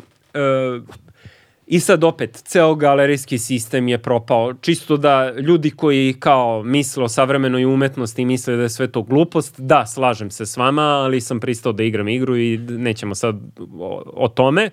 Ali što je interesantno, znači, e, u Veneciji Fondacione Prada ima veliku izložbu, upravo Aleksandra Klugija, koga sam e, pomenuo, I uh, Anita kaže, moja galerijskinja, koja je to, the grand dame of new media art. Znači, uvela je video u savremenu, u celom tom delu Nemačke. Najpoznatiji uh, lik koga ona reprezentuje Anton Corbin. I, i sad, uh, šta se dešava? Ona kaže, dolazi jedan moj kolekcionar, uh, treba da se upoznate. I sad on, uvek su redovi kada se otvara, pošto ti imaš tih, vernisaž traje, ne znam, četiri dana na bijenalu i onda ljudi ovaj, idu na sva otvaranja i uvek su redovi. I sad je on stao u taj red i on je njoj odgovorio, ajde, hoću samo da vidim pet minuta, pa ajmo na kafu. Odemo minut tu kafu i on kaže, ja sam iz Denvera, dakle si ti, i sad ja kažem iz Beograda. Srbin. I ja se sad mislim, dobro, šta će sada kaže? Pa vi ste najjači. Kaže, ja e, idem na utakmice Denver Nuggetsa i imam e, sedišta do parketa. Aha. Nikola Jokić je bogotac. Mora da si i ti tako gotivan. I Ujebote, sad, koja, koja, ono... I sad, a čovek je bio CEO kompanije koja je napravila MP4 kodek. I sad, e, ja mislim da je rodom sa Havaja. I sad on, ovaj, mi odlazimo Eto na... ti pakovanja. Eto ti pakovanja, Eto da. ti pakovanja. Ništa, idemo, Jokićev dres, razgovaramo. I sad, ovaj... Ali u prirodnoj veličini. To, i da, da. ovaj, dobro, znači haljina. I uh, mi sednemo ovaj, na, na kafu i kaže Anita, ajde mu ispričaj o svom novom radu koje ona već rekla da će da uvrste u neko bijenale, nije bitno, šit je bijenale u, u Frankfurtu. Ovaj, ja kažem, eh, ja sam CEO startupa iz eh, Silicijumske doline, eh, Atlas Analitika, naši angel investitori su Mark Zuckerberg, Elon Musk i Peter Thiel. Mi pravimo kičme koji su implanti za bu lidere budućnosti koje pomažu u cost-benefit analizi da uvek donose racionalne odluke u cilju maksimizacije profita. Uh, naš slogan je Get a Backbone, kao što je Do It, tako da i vi bez kičmenjače možete da imate kičmu. I on tu pred kraj shvati da ga ja trolujem. Da. Kaže, ja ću kupim rad. Ja kažem, pa dobro, niste ništa još ni videli, nema veze. I tu meni klikne da ja u stvari treba da valjam samo priču. I uh, on je zaista... Što su Ameri rekli? Storytelling. Tako je. Storytelling. I, ovaj, I on kupi taj rad i tu ja shvatim veliku manu um, kreiranja predmetne umetnosti, a to je mi imamo toliko đubreta u ovom svetu koje smo napravili, koje se uglavnom, većina toga se baca i ja sad na to đubre dodajem još đubreta. I, Wasteland. Da, i ovaj, u svakom slučaju mi šipujemo i tu kičmu i vitrinu i sve to i on je lik, sad ima, ja mislim, 5-6 mojih radova i ima cijelu prostoriju u svojoj kući u Denveru koji su samo Bata Simić radovi. ne razumeš, suludo. Ovaj, I nakon toga ovaj, mi uradimo, ur, snimim još jedan uh, rad, znači trilogija. Da završim tu trilogiju, prva je bila Kičma, I tu sam čak napisao neki scenario, ja bih to da napravim, bit će ili video igra ili film jednom, gde uh, Atlas Analitika dolazi u zemlju koja je verzija naše zemlje. Ok. Ovaj, ali pod uslovom da uh, premijer te države bude prvo zamorče koje će da bude nezvanično na početku, samo Bija to zna, ali vremenom, ako to sve uspe, će da se obznani da je on sad sposoban lider zahvaljujući tom implantu. To me podsjeća malo na model kao kada je Milton Friedman donosio slobodno tržište. To je to, ja sam potpuno to hteo da skinem. Da, da, da, da. Okay. Ovaj, to je šok doktrina, samo ne Tako je. spolja, nego Da, šok da. je na tog čoveka i onda on krene kao mančurijski Da. kandidat. A, za ljude koje zanima na šta referišemo, na, referišemo na Naomi Klein i njenu Mm. knjigu koja se zove Doktrina šoka, ima i dokumentarni film Doktrina šoka koji možete pogledati, mislim, besplatno na YouTube-u, tako da, Ja mislim, da. ajmo dalje. I, ovaj, i, š- međutim, šta se dešava? E, Dešava se da ta kičma ovaj, u premijeru, kao i sve u medicini, Premijeru 2.0. tako je, 6.5. to postaje čudno se ponaša. I umesto, a on je već bio beskrip, beskrupulozan. Došao je na vlast zahvaljujući mafiji, zahvaljujući tim dilovima, i, zato što je šljam. Da. Njemu ne treba zapravo ta kičma. Međutim, ta kičma treba da uskladi politiku te države još više sa globalnim tokovima, čita i zapad. I, ovaj, međutim, on u stvari postaje prepošten. A, On skoro da postaje jurodiv. I sad on u apostolkama svako jutro GSP-om u pet ujutro ide na posao sa narodom. On je potpuno okrenuo leđa mafiji koja ga je dovela na vlast. Žena ne može da ga podnese više. Partijski drugovi kaže pa šta je sa svim ovim dogovorima? Saudici investirali, ti sad hoćeš, sve si ih proglasio nepoštenim, šta ti duvaš, koji ti je? da, da. Međutim, on ne, ja imam potpuno druge sad e, moralne koordinate i on postaje neka vrsta sveca. A to sad više nikome ne odgovara. I tu sad pokušavam i to mi je zanimljivo zato što je jedna od potki u stvari kičme, ta vrsta, to se naslanja na tog Petera Sloterdajka i tu pesmu Rilkeovu op- e, Torzu Apolona, koji kaže u poslednjem stihu te pesme promeni svoj život. Kao da Torzo, kao simbol, se obraća tebi i kaže alo, dovedi se u red, ka, nisi u formi. I Sloterdijk je onda napisao pe, e, celu knjigu Promeni svoj život inspirisanu time. I jedna od teza je da vežbajući čovek ovaj, 20. veka i sportski čovek je ta neka nova e, da je to u stvari uvek bio put, askeza. E sad, sa kičmom je fora da tebi askeza ni ne treba, ti samo kupiš proizvod. Ovaj, I onda sam razmišljao, ok, ajde nek druga stvar bude i to se nastavlja na, s- e, na Cost Benefit Love, e, aplikacija X Hearts Y. Znači X pa emotikon za srce Y.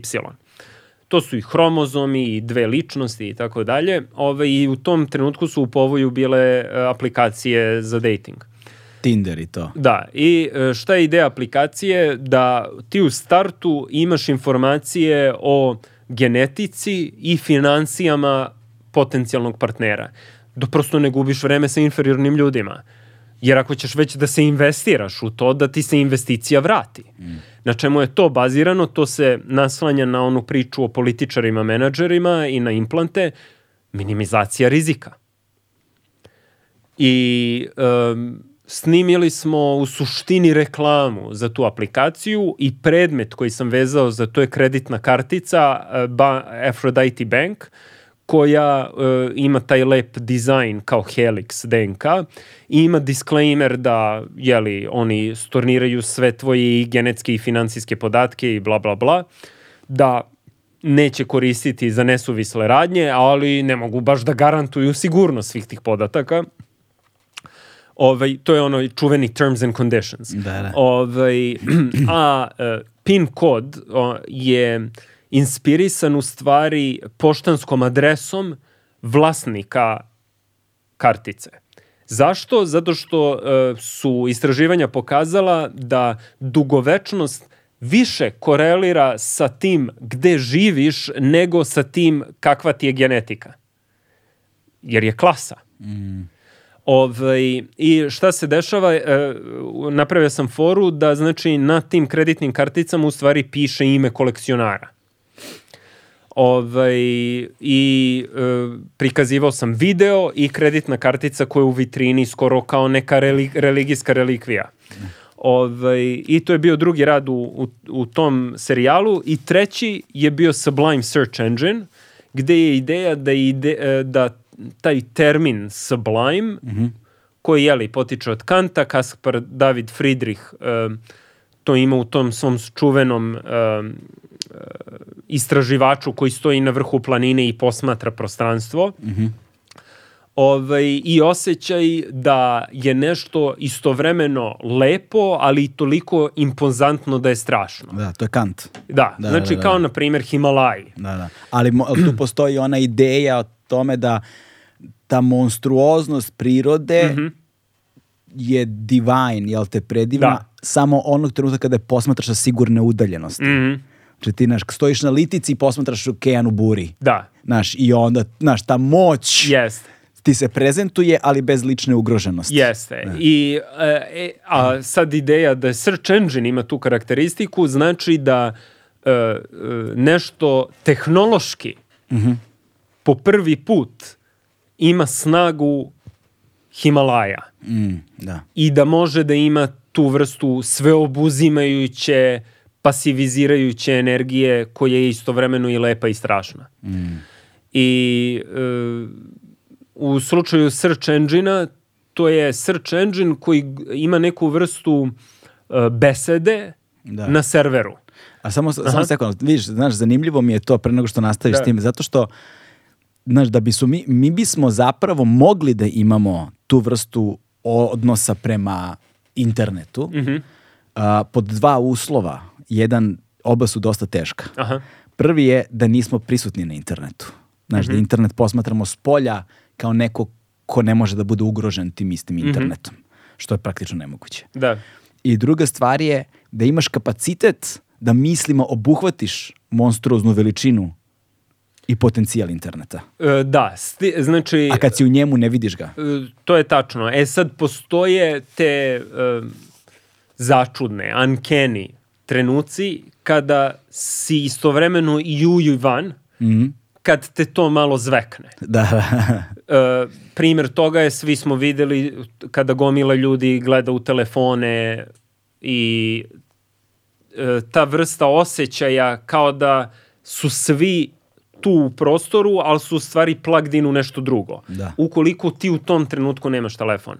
Ali u umetnosti rade destilat toga tako da ti opet dobiješ taj osjećaj. Primer toga je japanac uh, Roiji Keida koji je u stvari DJ, ali šta radi? Koristi um, pravi muziku u suštini od noiza, od signala, ali su mu iza toga ogromni, ogromni videi, praktično kao map projekcije, informacija. Tako da ti gledaš crno-bele digitalne destilate svih informacija, svega, koje su svuda, ti si u sferi svega toga. Da. Tako da dobijaš live feed. Primer toga bi ti bila berza. Da, da, da. E, neko je, mislim, da li Braca Dimitrijević ima rad gde E, znači ja sam ovde u uh, radu sa Anom Ćurčin Don't Be Fake, imam Kajron i sad taj Kajron Blay i ja imam uslovno rečeno montažu između onoga što ona priča i Kajrona.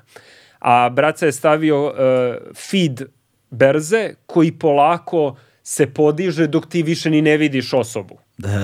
Znači, ti bi imao u stvari u slučaju, uh, berza bi bila dobar primer i osoba koja radi na berzi može da ima to vrsto, tu vrstu iskustva, ali znaš kad još imaš taj sublime ukoliko uh, nisi direktno uplatkan, ali posmatraš bilo kakav takozvani uh, događaj crnog labuda, znači velika kriza.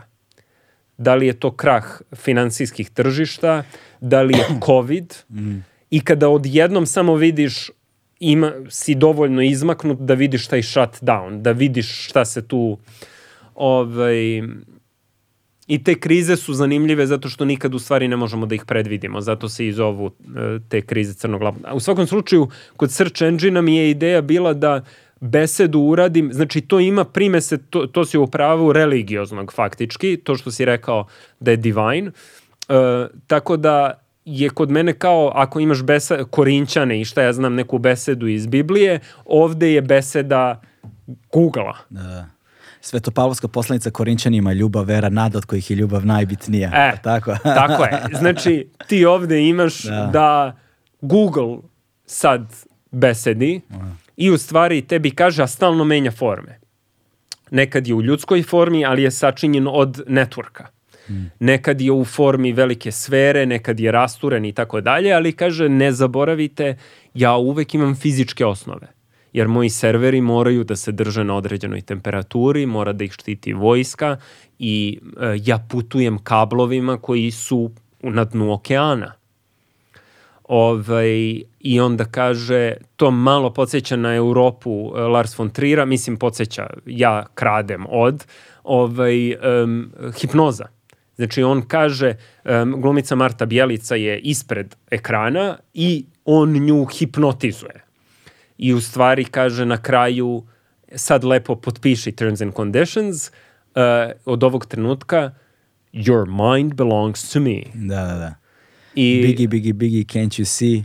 From this moment your mind belongs to me. e, to je, ali pazi, rap je tu užasno bitan zato što u to vreme je Kendrick Lamar izbacio To Pimp a Butterfly, Aha. koji je totalno remek delo i meni je bilo zanimljivo ta brzina uh, um, deliverija mm.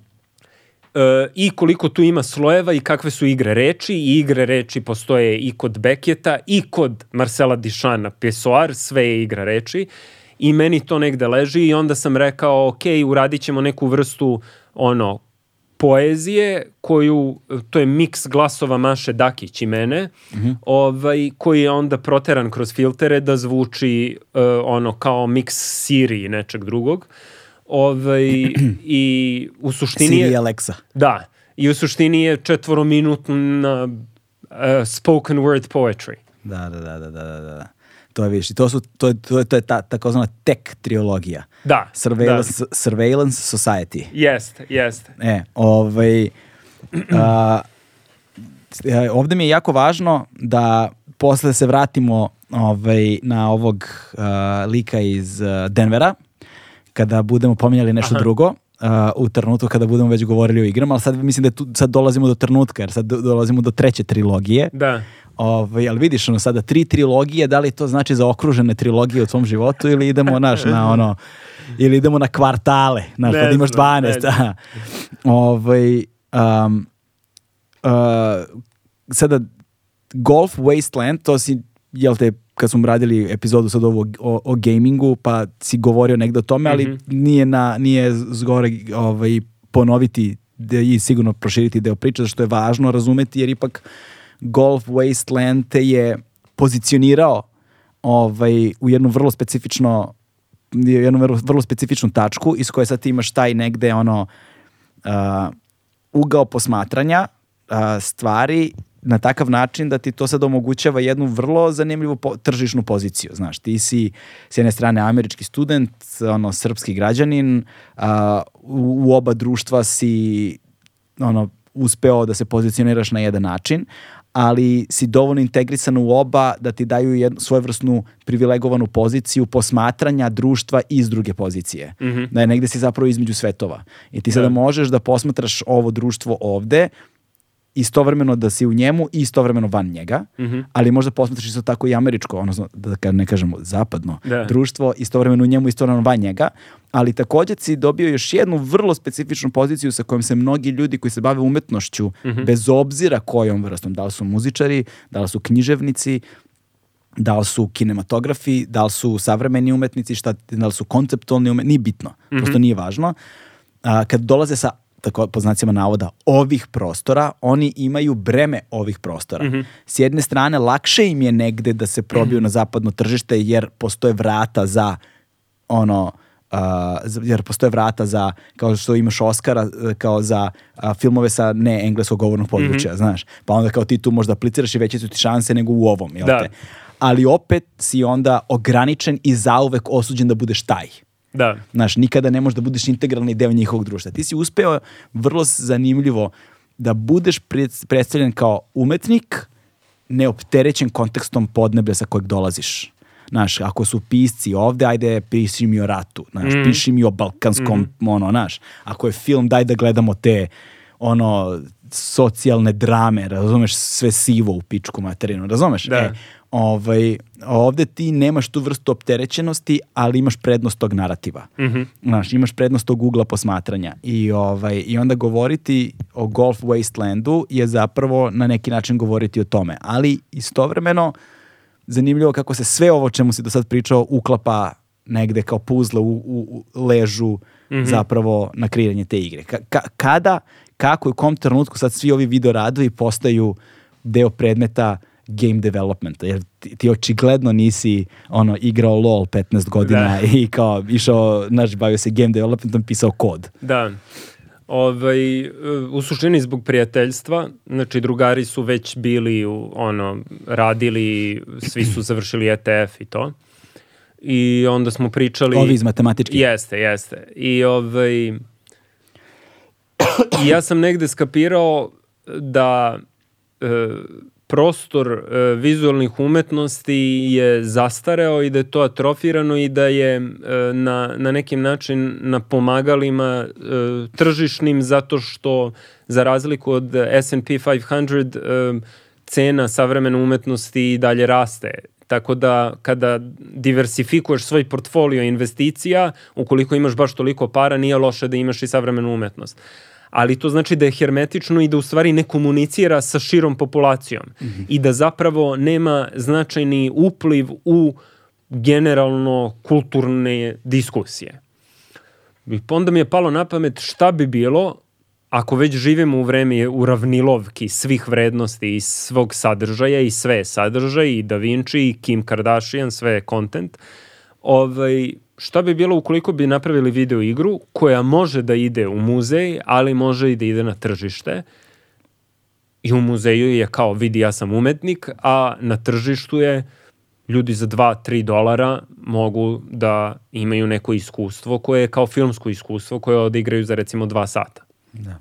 E, ali izvini, ali zanimljivo je kako su zapravo, kada, ako se sećaš ranih iPhone aplikacija, Aha. neki način se dodirivale toga. Jesu. Bilo je da. gomila, na- gomila zapravo besmislenih aplika- Da. aplikacija, jer su ljudi u potrazi za to uzimanjem love, znaš, Da. ovaj, pravili te takozvane drkalice, ali sad kada pogledaš, znaš, one bi mogle da imaju neku bizarnu umetničku vrednost, nenamernu.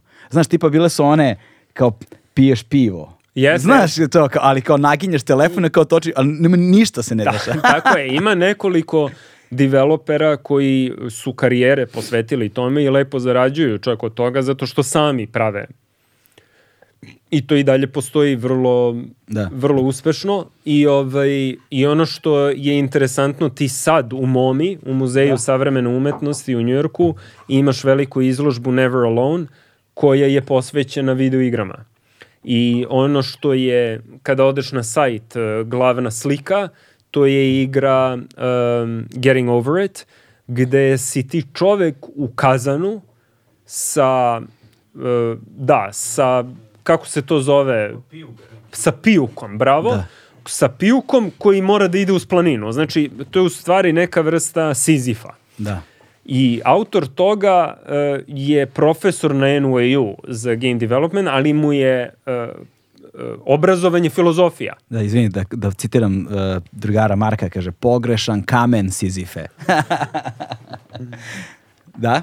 I to je super rad, zato što Isto, eto vidiš, čak sam napravio lapsus, nazvao sam ga rad, a u stvari je full komercijalna igra koja je zaradila veoma ozbiljne pare, ali e, je dobar blend da s jedne strane e, u, e, iz ofa čuješ raznorazne citate koji te još više ponižavaju i sprdaju, da je sve uzaludno i da je život bez veze, a sa humorom, a da je mehanika kako taj pijuk radi genijalna. Tako da je u potpunom saglasju game design, znači taj um, ludus igra mm. i uh, da kažemo banalno poruka igre.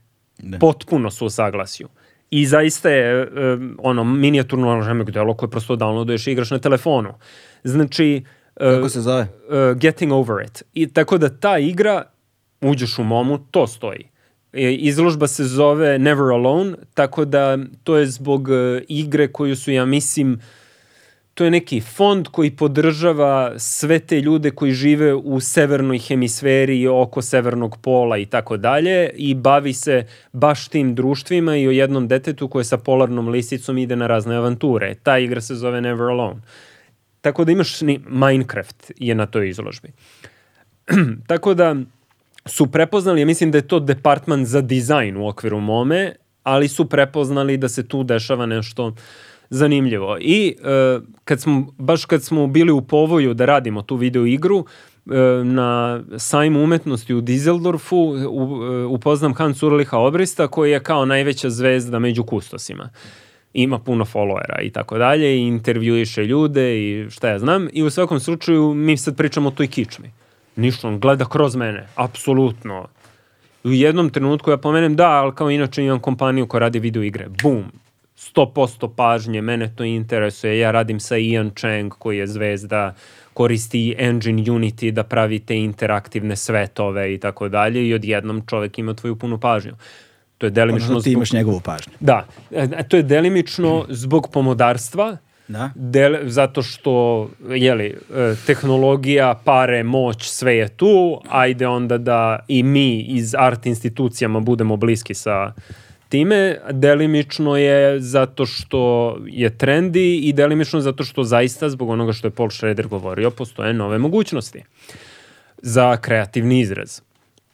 I, ovaj, I šta mi uradimo? Mi smo krenuli prvo sa nekim potpuno drugim idejama, međutim, e, neki dronovi, bla, bla. Međutim, ja vidim to neće nikud da odvede, development je složen, ako je multiplayer, server i čuda, ja kažem daj da uradimo nešto što je prosto, ovo čisto praktično, kao što vidite, znači valjam jednu robu na dva mesta, znači imam taj moment, to je više instinktivno, ali ajde da kažemo da ima veze sa biznisom. Kažem, daj da uradimo nešto jednostavno gde će da se E, jasno vidi da smo u stanju da uradimo direkciju kako smo kreirali svet, kako smo kreirali likove i e, taj soundtrack. I nek mehanika bude prosta. Golf. Zašto baš golf? Znači, e, Donald Trump je gradio golf terene, u to vreme je postajao kandidat na američkim izborima, bio je u svađi sa nekim u Škotskoj oko toga da hoće da zaposedne njegovo imanje da bi gradio golf teren. I onda mi je logički zaključak bio pa idealna, idealan scenarij je da lepo nema ljudi da oni pikaju golf. e sad, sa druge strane, Pardon. je je uh, Elon Musk postao neka vrsta celebritija i on je bio... Te, tek celebrity. Tako je. Tek celebrity. I on je pričao ja hoću da Mars bude moj novi dom. Mm. Pa čekajte, to znači da u stvari svima je najbolje da zemlja bude nenaseljena i da vi lepo i živite na Marsu, a pikate golf po ruševinama na zemlji. I ja kažem kad to... Se, kad, kad vam dođe vreme za odmor, dođete do zemlje i pikate golf. Tako je.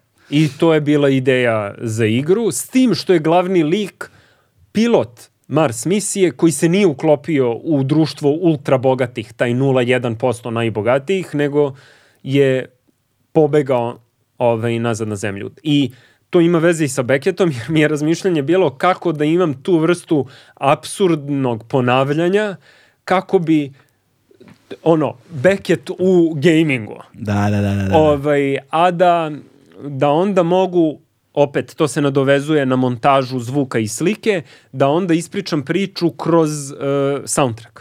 Mm, I to je Radio Nostalgija sa Marsa, koji je radijski program kao u GTA što ima radijski program koji ljudi na Marsu slušaju jer im sad nedostaje zemlja. ali to je retrofuturizam, zato što to je uh, buduća muzika iz prošlosti. Tako je. Da.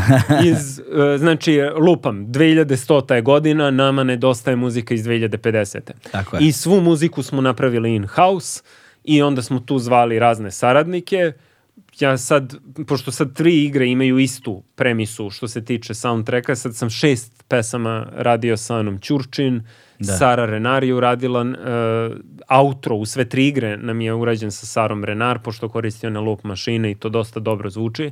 Ovaj, uh, Tamara Jokić, uh, dve pesme, uh, Katarina Pejak, jedna, lik koji fenomenalno peva, znači Goran Grubišić, niko živi ne zna, uh, Wooden Ambulance Band, Znači, on zvuči kao neka mešavina Nick Cave-a i Tom Waitsa. Uje, ovaj, I sad ja napisao neki tekst, u roku od četiri dana on vraća prvu verziju. Mislim, super saradnja i to nam je sad naslovna pesma u jednoj igri i, I svi pitaju odma Inače, ti si pisao sve tekstove.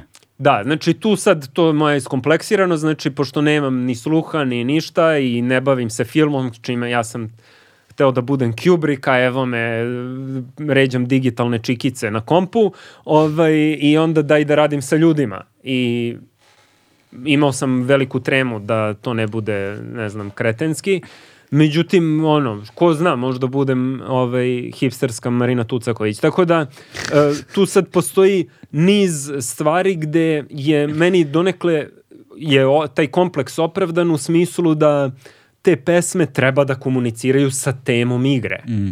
Tako da je sve vrlo, vrlo uvezano i to daje uverljivost svetu koji kreiramo. I, uh, Inače, soundtrack je zaista odličan i treba ga poslušati. Uh, ima, ima ga svuda, ima ga na YouTube-u, ima ga na Spotify-u kao soundtrack Da. zapravo iz igre. Ovaj, I ono što je meni fascinantno jeste način na koji si lepo integrisao autorsku muziku, kako je lepo integrisana autorska muzika, ali integrisana je dobro sa onime što bi očekivao kao ambient muziku iz jedne takve igre. Ima taj uh, dron, uh, synth, wave, ono, zvuk, Da. negde žanrovski, dajde da probamo da ga odredimo, ali toliko jasno i nedvosmisleno autorska muzika koja može da bude ono album sa pratećom igricom. Znači da može da bude obrnuta To stvar. je dosta ljudi reklo i mi smo realno govoreći uradili neku vrstu interaktivnog audiobooka. Znači to je u stvari e, koncept vizualno audio i sa strane malo pikate golf. Da, da, da, da, da, da. Realno je to. I ovaj, e sad, ono što e, i priče, znači ljudi kao e, Sleepless in Seattle, znači ljudi zovu radijski program da dele neka svoja sećanja.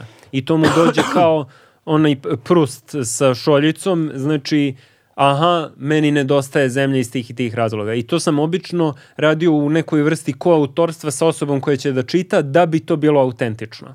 Znači ono što sam naučio kako je John Cassavetes radio sa glumcima, ja sam sad kao ubogi developer probao da iskoristim u soundtracku makar. Da, da. Tako da, na primjer, sad u poslednjem Bojana Novaković mi je e, poslala neki svoj tekst gde je pisala o svom putovanju e, na Harliju kroz Ameriku i ja sam to sve adaptirao da njoj to nedostaje, jer sad mora da uđe u hazmat, pa da uđe u nešto da bi samo napravila jedan džir po Marsu, što je katastrofa. Da. Ovaj, i uvezivali smo stvari. Tako da, na primjer, e, jedna devojka priča o svom iskustvu klabinga u Berlinu i čula je, imala je neku vrstu krize kada je čula pesmu koja se zove Repetition. I onda Shane, koji je radio voditelj kod nas, kaže... e, Shane Berry. Da, Shane Berry, sad ćemo da čujemo tu pesmu. Da. I u stvari ideja za to, re, refren pesme je repetition, repetition, repetition. To je to, tehno. I ispod toga c, c, c. Da. I sad, ali ima ono kao malo Daft Punk kao uh, annihilate, masturbate, liquidate, trr, trr. Da. I ovaj... Ili Around the World, Around the World. Tako je. E sad, to smo odradili, ali ispod toga ti čuješ ženski glas koji hoće da se po, probije, koji je takođe lupovan, koji onda na kraju kaže krene da peva raspada se svet, moja dušo, hajde da se ne raspadnemo mi. Da, da. I to je kao klub stvar i to je uz još jednu pesmu Take My Hand omiljena i najslušanija pesma ja ništa na kompu ponavljam repetition. I ideja za to mi je pala na pamet zbog Ramba koji ti je bio ovde, koji ima to jedno te isto, te jedno te isto. I ovaj... Znaš i... koja je meni najbolja Rambova kad Da. govorimo o tome, kada su mu dali da napravi e, špicu za kviz. Aha. I onda napravio špicu za kviz, Tako špica je. za kviz. E, to mi je on, ovo je špica za kviz. To je taj meta moment. Da, da. to potpuno, on je kraj toga, da. I, ovaj, I u svakom slučaju to je bilo to, to smo zapakovali. Uh, lik koji je tad bio u Nordeusu kaže ajde s nama na GDC, odem u San Francisco. To ono što si ovaj, rekao, šta je GDC? Ma, predstavu nisam imao. I, ovaj, I pričam sa ljudima iz Apple-a i to, kao ja imam start-up sa svojim pajtosima, ulažem u start-up prodajući savremenu umetnost. Evo, omaklo mi se, napravio sam ovu video igru sa njima, pogledajte, oni kažu to je super, ta priča je super, mogli bismo tu priču da stavimo na naslovnu App Store-a i onda je tu u suštini krenuo za ozbiljno Demagog Studio kao kompanija. Da, i koliko, se, koliko je zapravo, daj nam neke ono, brojke ukoliko je moguće, koliko je zapravo ta igra postala popularna. To je među indie igrama postala So, je... i solidno, da. Znači, ona sad, mi smo posle toga potpisali ugovor sa jednim izdavačem iz Poljske koji je predložio da se igra um, to se zove portuje na uh, Nintendo Switch, na Sony PlayStation, na Microsoft Xbox i na PC. Da na Steamu možeš da igraš ili na Epicovom storu. I e, mi na to pristanemo i još je nabuđimo. Znači, dodali smo pet nivoa, još neke kacinove i još sat muzike. I ovaj i to je i dalje overwhelmingly positive, to znači da je tamo ocena, ja ne znam koliko, preko 80 ili tako nešto, što je neverovatno za art projekat. I to ja mislim da sad ima 100.000 kopija e, prodatih i stalno, na, naročito na Switchu, stoji u tih nekih top. Ovaj, to je naravno delimično i zato što idu ti neki popusti pa se više prodaje i tako dalje, ali za art projekat. I sad šta, šta mi je tu kliknulo? Um, sa artom, predmeti, video. Video igru da bi prodao kao umetnički predmet, ti bi morao, na primjer, da kažeš, ok, ovo je video igra koja u kodu ili u umetničkim asetima koje sam stavio u igru ima nešto što će samo taj kolekcionar da ima i ne postoji drugde, na primjer. Što je opet nekako trulo. I onda sam... o, Kao i kapital. I šta sam, e, šta, šta, šta smo uradili? Mi smo u Golf Club Wastelandu iskoristili e, centralno evropsku modernističku arhitekturu, sve od Alex placa do Novog Beograda, plus spomenike raznorazne koji su mashup Silicijumske doline i jugoslovenskih spomenika. Noba. Tako je. I, ovaj, I to, uravnilovka. Znači sve ideološki totalno e, nema centra. I ovaj, na njih smo stavili neone koji podsjećaju na neone iz Blade Runnera. I e, neoni su uglavnom mimovi. I sad jedan mim je bio u to vreme, Donald Trump je tweetovao media, ne, negative media coverage, ali nije lepo spelovao, nego je napisao negative media kofefe.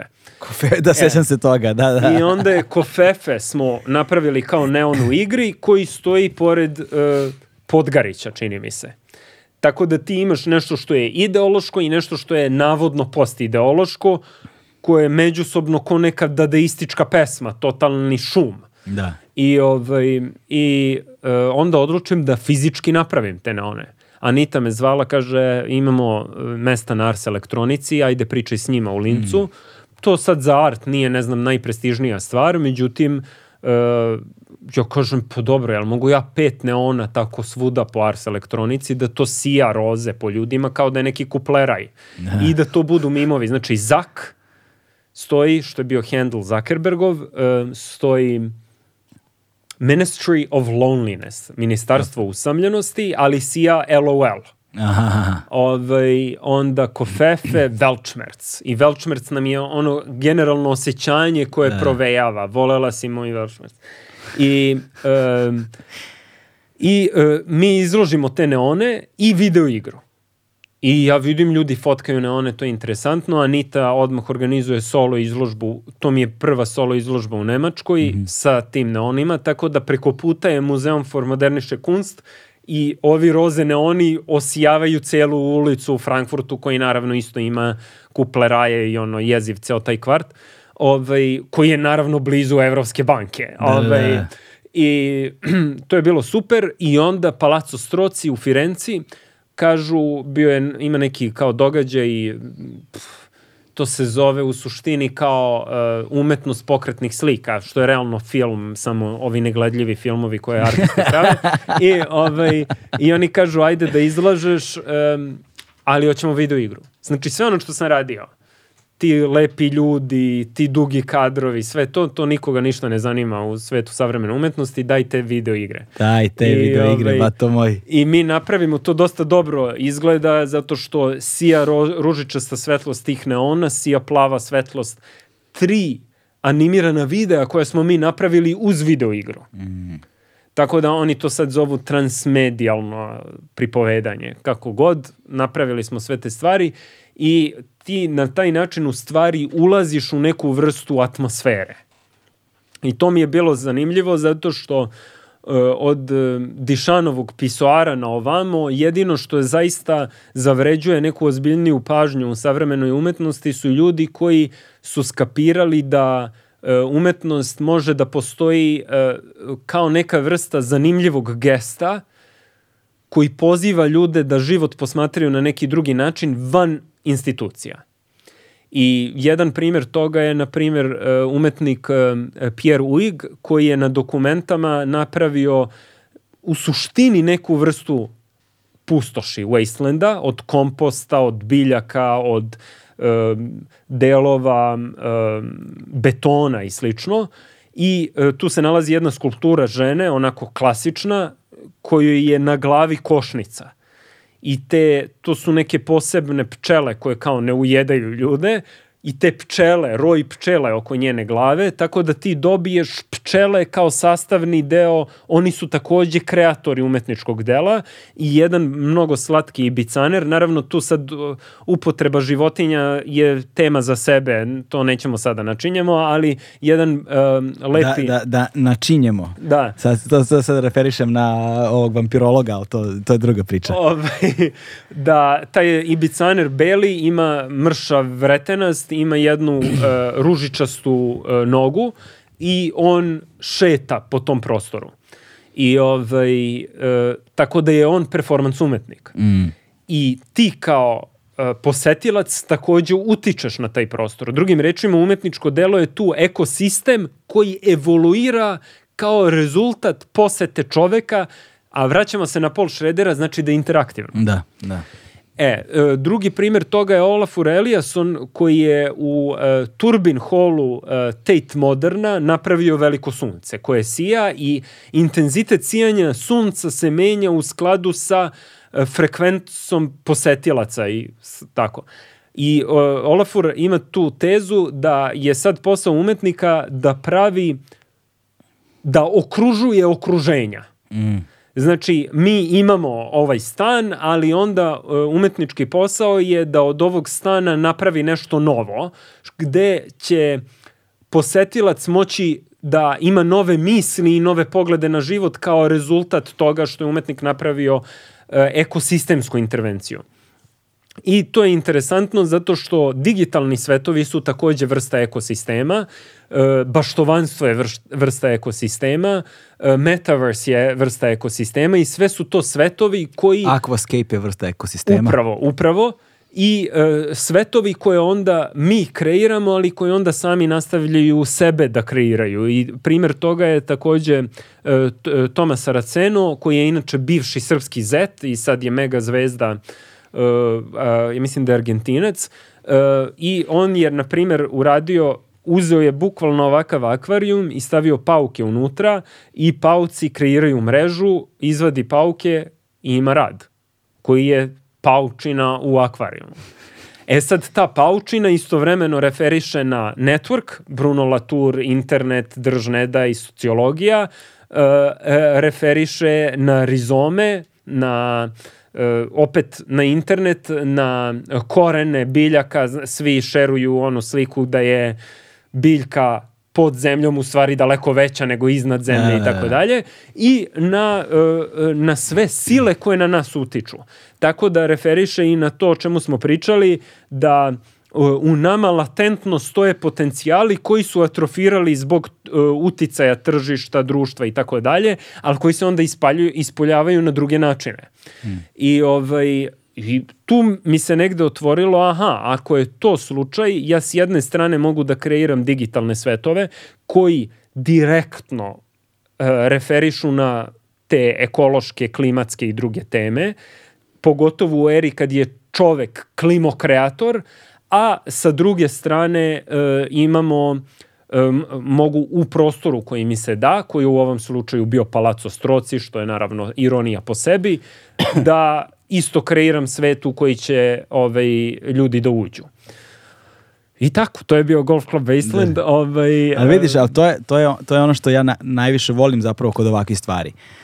Nešto što je na izgled jednostavno, jednostavnost se zapravo najteže postiže. Kad Da. god vidiš nekoga da nešto radi strahovito jednostavno, znači da je taj neko uložio ogroman trud u to da to izgleda jednostavno. Da li je to sportista, da li je to muzičar, Da. znaš, ili game developer u ovom slučaju. To jeste, ali to je sad druga stvar i zato ja ne volim ovaj, pošto sad potrefilo se e, ti si e, mega poznat, ovaj, ali potrefilo se da me ljudi stalno nešto zovu, nešto da pričam, ovaj, i uvek se potegne to sa savetima. Nemam nikakav savet, znači e, to da je do- došlo do te jednostavnosti i ta vrsta, to zahteva vreme, ali takođe od trenutka kad se probudim do kad legnem da spavam, ja samo o tome razmišljam. Tako je. Mi dok razgovaramo, ja mislim da u pozadini Radi. radi nešto, potpuno druga funkcija, imamo pro, treba da završimo dve igre za tri nedelje. Ovaj, e, i sad šta se desilo, E, tu sam na čisto tom ličnom nivou, U trenutku kada govorimo te igre bi trebalo su već gotove. e to, a nisu. Odnosno u trenutku kada ljudi slušaju ovu A nisu, svi smo izgoreli. Znači, katastrofa. Znači, mi imamo situaciju da pandemija je svima dobro u, učin... Mislim, pandemija je bila katastrofa, ali što se tiče gaminga, svi su trubili kako im ide super posao. Nama je bilo katastrofa, zato što je to baš bila runda kad je trebalo da e, radimo ono što se e, rogobatno zove pitching za novu igru. I e, taj lik ex Nordeus koji me vodio na GDC je postao deo Demagog studija između ostalog i mi smo pričali o novim idejama. Imali smo na e, jednu ideju manje više iz Samo sekund, jesi ti došao na ideju da se studio zove Demagog? Da, da, da, to je label koji smo mi koristili mnogo pre nego što je firma osno, DO okej, osnovan. okej, okej, da, da, da. Ovaj, I to je opet ono, ja sam demagog, svi smo licemeri i tako dalje. Ovaj, Da, vidio sam, izvini, pre neki dan Da. si okačio na Instagram svoju fotografiju sa nekog, eh, neki govor si držao i kao se okačio čovjek svoju fotografiju i rekao šteta što je govornik kreten. znači, ako neko, ono, ti, ti imaš još gori ono sindrom uljeza od mene jebote, znači ti si najgori si kog sam do sada upoznao. Ovaj, pa dobro, ali možda to i nije loše. Treba nam ovaj... Ne, ono što se meni dopada, Da. ono što se meni dopada jeste što zapravo kada govorimo o tvom dosadašnjem radu, sve što si do sada ispričao, pokazuje se jedan kontinuitet u radu. I Mm. taj kontinuitet u radu se pokazuje veoma zna, pokazuje nekoliko karakteristika kojih možda ne znam koliko si svestan ili nisi svestan, ali a, bez obzira kakve god da su okolnosti bile, ti si ipak negde, ma koliko opet god da si sumnjao u sebe, a govorio si puno o sumnjama u sebe, ipak si držao tu liniju da si slušao sebe. Znaš, kao da, kao da se recimo nalaziš, kao da imaš dva tasa, jel te, ono, va, na, va, na vagi kao, jednom, i kao jedan je sumnja u sebe i strah, a u drugom je ipak kao neka znatiželja i radoznalost. I da su uvek ta potreba i ta znatiželja i ta radoznalost uvek bili za nijansu jači Jest. od ovoga. Znaš, Jest. znači ovo je jako prisutno, Da. ali ovo je samo za nijansu taman toliko da vremenom prevagne Da.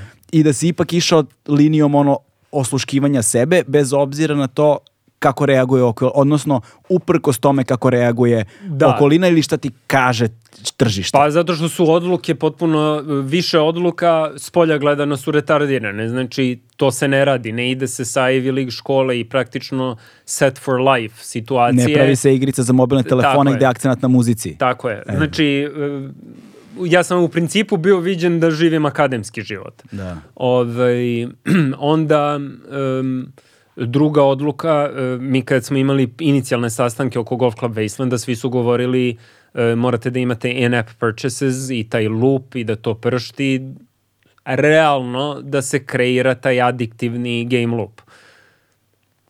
Na stranu što mi to ne umemo da uradimo, ovaj, e, mi smo mogli da probamo da idemo u tom Pa smeru. brate, da si želao našo bi kume. Tako Znaš, je, nije, tako to, je. nije to sporno. Zato je meni razgovor za tobom dragocen. Za, zato što a, ako bi nešto ljudi trebalo da pokupe zapravo iz ovog razgovora, osim ono, znaš, nećemo ovde da dajemo savete niti da budemo Da. inspiracija u tom Da. smislu. Važno mi je da se ispriča ovakva priča sa poentom da a, stvari mogu da budu dobre. Znaš, to je to, kao stvari mogu da budu dobre. Ne, ne, ne mora, ne mora preduzetnički duh u, u, u startu da znači maksim, maksimalni kapital, ono, znaš, E, da, ceđenje i vode iz kamena. Takođe, e, takođe nisu stvari e, crno-bele, znači tržište je predivno na razne, iz raznih razloga. Mi smo na tom tržištu ideja.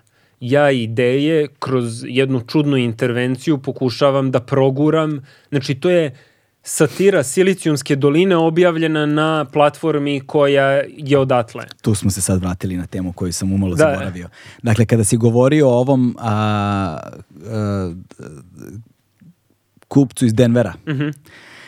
I kada si mu pičovao, jel te priču, kad je on na kraju skapirao ti njega u stvari zajebavaš. Ali Da. uprkos tome kupio. Da. To me podsjeća na priču sa Guccijem. Aha, da. Je, e, vidiš, ja ne znam da li je to taj razgovor pod, e, to jest e, sam ime brenda pod NDM, ali nije ni bitno. ovaj, prošlo je vreme od tada nije se ništa od toga desilo. Ovaj, nema, nije bilo novca u igri, ali je interesantno da kad je bila izložba u Palacu Stroci, da su da su, je došao taj neki bitan lik za marketing. I on kaže, ovo je super, kakav vibe, ovo je baš uhvatilo duh vremena, fenomenalno. I ja dobijem mail, Golf Club Wasteland, X Gucci. I mi odemo na sastanak u Milano. I pazi, to je bila fabrika Mussolinija, ja mislim za avione od opeke, mislim ono, ludilo i sad ti vidiš ono, prolaziš ono super model tamo, sedi u kantini i jede. Ovaj, a kantina im je opet jedan od onih poznatih italijanskih kuvara, pet zvezdica, mislim Michelin. Ovaj, I um, sastanak je trajao 4-5 sati i to je opet jedna od onih stvari kad ti se otvori ta mogućnost da zaboraviš na taj neki trip potencijalne inferiornosti ili neki kompleks. Znači ti vidiš da ljudi rade svoj posao i da u stvari niti imaju neke ideje, niti prosto oni su došli na posao, čekaju pet i to je to. I sad se pojavljujem ja sa sveskom i oni kažu, pa dobro, jeste Golf Club Wasteland, ali nama Apokalipsa ne igra za brand.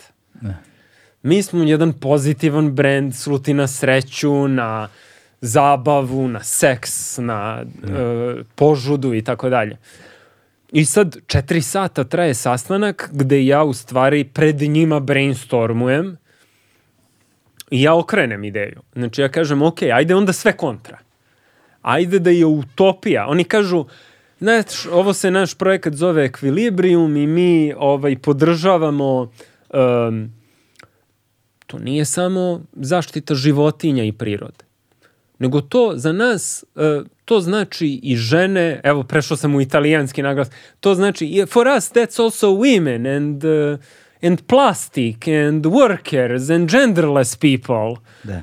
Aha, dobro, ajde onda sve tako. Svi bespolni ljudi, svi, svi zajedno žive u, zajedno sa životinjama u idealnoj guči utopiji i svi e, tapete, sve je guči i sve je savršeno i svi su srećni. A, ja vidim šta ti radiš, ti nas zajebavaš, ali dobro, Gucci je over the top, tako da je to u redu. Ovaj, I mi se dogovorimo i oko budžeta i svega, međutim, e, to je trebalo live da ide kao da klinci dođu, pošto su sad svi streameri, svi igraju Fortnite, Overwatch i tako dalje, da na, u hubu zapravo se okupe mm -hmm. za Earth Day. Mm -hmm. Međutim, Milano je među prvima otišao u lockdown zbog covid i to se razvodnilo. Na kraju je možda i bolje što se nije desilo, ali je interesantno to koketiranje ja sam tu sebe odmah video, ok, Godaru su dali da radi reklame za, ne znam, da li šampon za turizam u Švajcarskoj i tako dalje, i to on odmah okrene na glavačke i napravi skeč od toga. Ne ili Roy Anderson, ovaj reditelj švedski je u stvari krenuo, pa sam ja tako razmišljao, da. bila bi dobra fora, a možda im se i provuče nešto što ne bi trebalo, jer sa video igrama e, toliko ima tu sadržaja da ti možeš da imaš samo ono što se zove easter egg, nešto što ćeš da otkriješ u igri, što možda je no-no, ali ti si ga tu stavio. Da, da, da. Tako da mi imamo grafite u Golf Club Wastelandu, fuck Zak, da, i da, tako da, da. neke stvari koje ljudi jel otkriju. Golf, jel u Golf Club Wastelandu imate Lenjina Da, imamo, na primjer, e, ve, veliku glavuđu uh, Ilona Maska, koja je potpuno bazirana na spomeniku Karlu Marksu Karlu u, Marks, isto, da. u istočnoj Nemačkoj. I to je opet nama bitno. Znači, e, neke ideje, na primjer ideje besmrtnosti, koje sad tripuje Peter Thiel i ti ljudi i hoće da budu besmrtni, ovaj, to su ideje koje su postojale, na primjer, u Rusiji mnogo pre revolucije. Pa i Walt Disney je želeo da bude besmrtni. Tako je. Da ovaj, mnogo pre revolucije, čak prijatelji, ja mislim, Dostojevskog i tako dalje. Znači, cela ta ideologija, samo što je tamo imala, nije bila toliko sekularna kao što je danas, ali ideja da je smrt samo problem kao i svaka bolest koji samo treba razrešiti.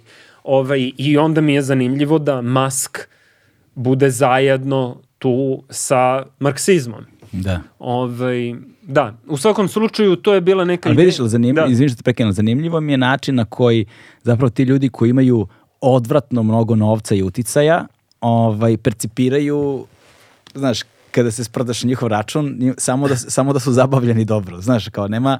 E, da, to sad zavisi. Sad se pokazuje sa Maskovim... E, ne svi, naravno. Da, da, sa njegovom situacijom na Twitteru, da je, je free, sloboda govora u suštini za neke, neki su jednaki od drugih i tako dalje, ali na tom nivou vrlo je važno i kako se to upakuje. Neka moja e, fora je bila mislim Oscar Wilde i svi ti ljudi kao govori istinu, ali govori sa humorom. Mm. Ovaj, to ne mora da bude tako, ovaj, ali meni to prosto karakterno uh, leži. Da, da, da. Kako spojiti uh, Larrya Davida i uh, neku vrstu nazovi angažovanosti. Da, da, da, curb your enthusiasm. Pff, genijalno. ovaj, e, a, i sada dolazimo do onoga što je zapravo zbog čega sada umirete, je li tako? Aha, da, radimo. Zbog, zbog da. čega sada umirete, a u suštini ovaj, treba da zaokruži treću trilogiju tvog života. Da, sad to baš zvuči megalomanski, znači e, samo da pojasnim, e, u firmi trenutno ima 20 ljudi, nas sedam smo osnovali kompaniju, inicijalno četvorica, drugari iz matematičke gimnazije i mi svi zajedno e, radimo na tome i svako je tu nezamenljiv. Ovaj, um, step koji je došao uh, da crta sve to, on nam je art direktor, animira takođe, radi karakter dizajn, po vokaciji arhitekta, tako da kreiranje tog sveta i te ideje on najbolje razume i u stanju je da ih podigne na mnogo viši nivo. Um, Shane je tu, Miloš koji praktično vodi kompaniju iz dana u dan da to, ja ne znam, uplatnicu da popunim. Onda ovaj, e, tu je Ivke koji je u tehničkom smislu drži te konce u svojim rukama. Puno ljudi je došlo, Čavić koji je e, iz ex Nordeus, on pomaže da prosto kada vodimo pregovore koje ja vodim u smislu da sam prodavac magle, ali onda neko treba da kaže ne, ne, neće biti ta cifra, nego će biti ova cifra. Da, da, da. I da pročita ugovor sa razumevanjem i tako. Da, ovaj, da, da, da, sve jasno, sve e, jasno. Tako da Vrlo su mi poznate se, sve te stavke. E, to, tako da je tu sad jedna šira ekipa, došao je Nikola, vrlo jednim, Nikolica je vrlo čudnim sticam okolnosti, koji je bio e, tester, e, pisao m, ocene čega, šta radimo, to je radio i pre ovaj, profesionalno koji je sad postao level dizajner. Znači, čitav niz e, ljudi i u tom smislu je kolektivni poduhvat i to mi je isto zanimljivo to mi je na Kolumbiji isto kliknulo. E, imao sam e, drugara koji je imao 60 godina koji je tad upisao faks. I bio je e, c, e, u zatvoru vrlo dugo, ovaj, e, iz Harlema je. I sad, ovaj, ali on studirao filozofiju. I objašnjavao je Hegela, ne možeš da veruješ. I sad on priča o toj situaciji, kažem, ja sam bio diler, ali za mene pojmovi, kao na primer Pariz, ja sam bio svestan toga na najabstraktnijem nivou, ali to meni ništa nije značilo. To nije zaista postojalo u mom svetu. Mm. Tako da je to bio jedini put kojim sam mogao da idem. Da, izvini, znaš kako, Da. znaš da sam ja tako otišao u Japan, Da? da bih se uverio da stvarno postoji. Ozbiljno, to je, ta, kad sam pričao s prijateljima, to mi je, to je bila premisa, znaš, Da. jer kao, jer zapravo je cela priča počela sa 2007. godine kad smo ušli u Schengen. Aha. I kao sada da jednom mimo pasoša možemo putujemo. I to je bila ono ključna tačka političke propagande, kao sad smo deo Evrope. Da. Ali meni pasoš skuplja prašinu jer nemam para da putujem. Da, da. I onda je za mene taj Schengen bio Nije mi, znaš, bila je šarena laža. Da. Znaš, kao mogu, potencijal koji se nikad ne ostvaruje. Da. Znaš, kao uh, ono, šargarepa na kraju štapa. Mm, Znaš, izmišljena stvar, ono, budalaština. Kao, znaš, džabe mi prodaješ ovo kao nekakav uspeh kad, ja, kad je taj uspeh za mene nemoguć. Da. I onda na tom tragu sam počeo da razmišljam o stvarima koje zaista postoje, ali koje zapravo ne postoje. Mhm. Znaš, kao, ja ih imam kroz popularnu kulturu, kroz film, kroz ovo, kroz ono, ali džabe kada ne, ne osjećam teksturu toga, miris toga, Da. ne dodir toga, kada je to nešto što samo meni preokupira prostor i vreme i stanuje besplatno u mojoj glavi, a moja stvarnost nema nikakve dodirne Nema, tačke da. sa Da. time.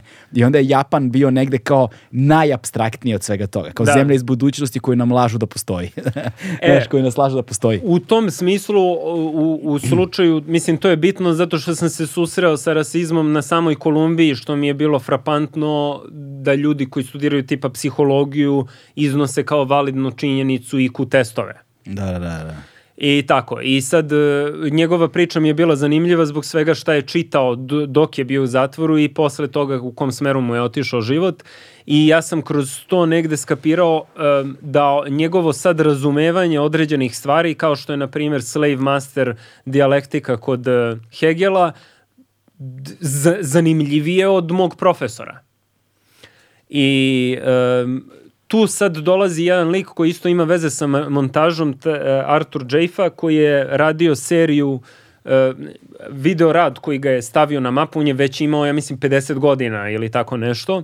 Ovaj, radio je kao DP, kao mm, filmadžija pre toga i imao strašne krize i u suštini nikad nije bio uspešan. I onda je uzeo materijal svih iskustava of African Americans koji uključuje i LeBron Jamesa i jezive klipove koji su ljudi kače na društvene mreže gde recimo sin od pet godina šamara majku koja je h- izdrogirana. Kao mama vrati se i šamara je. I sad sve to, ta širina, James Brown, sve, raskoš, Miles Davis i to Da, da. i Police Violence. A ispod toga je Chance the Rapper i Kanye i e, taj Ultra Light Beam. I to je premoćno. Pazi, to je found footage video, to je to. I ovaj, opet montaža kadrova, found footage-a, koji uključuje i snimke sunca, nasine i tako dalje, i e, muzike. I on ima te zanimljive priče, njegova teza je da, na primjer, sve, ovo teza je više provokacija, znači da ljudi sad ne uzimaju verbatim, radi se o umetnicima, ne mora bude tačno, bitno je da je inicijalna kapisla za neke nove misli. E, Da je i Dišanov pisoar i sve u 20. veku u savremenoj umetnosti direktno rezultat of black art Da, da, da. a pritom mu je blackness ontološki nova stvar koja nastaje u Americi i na tom području. Ne važi za Nigerica u Nigeriji, nego je konstrukt nekoga ko je prošao taj period uh, ro, uh, of slavery. i Tako Ropstva, da, da. da.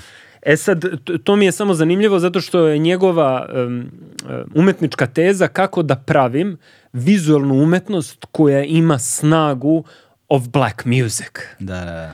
I e, jedna od stvari koja mi je zanimljiva jeste, on kaže, Miles Davis je ukačio stvar ja ću da okrenem leđa publike. Ja, jeste, u Brooks modelu, imam kravatu, sve ok, okrenut ću leđa publici i onda ću da imam jam session sa svojim bendom i kako kaže, mo, moram na engleskom da bi prosto zvučalo bolje, and I'll invent this shit in front of you. Da, da, da.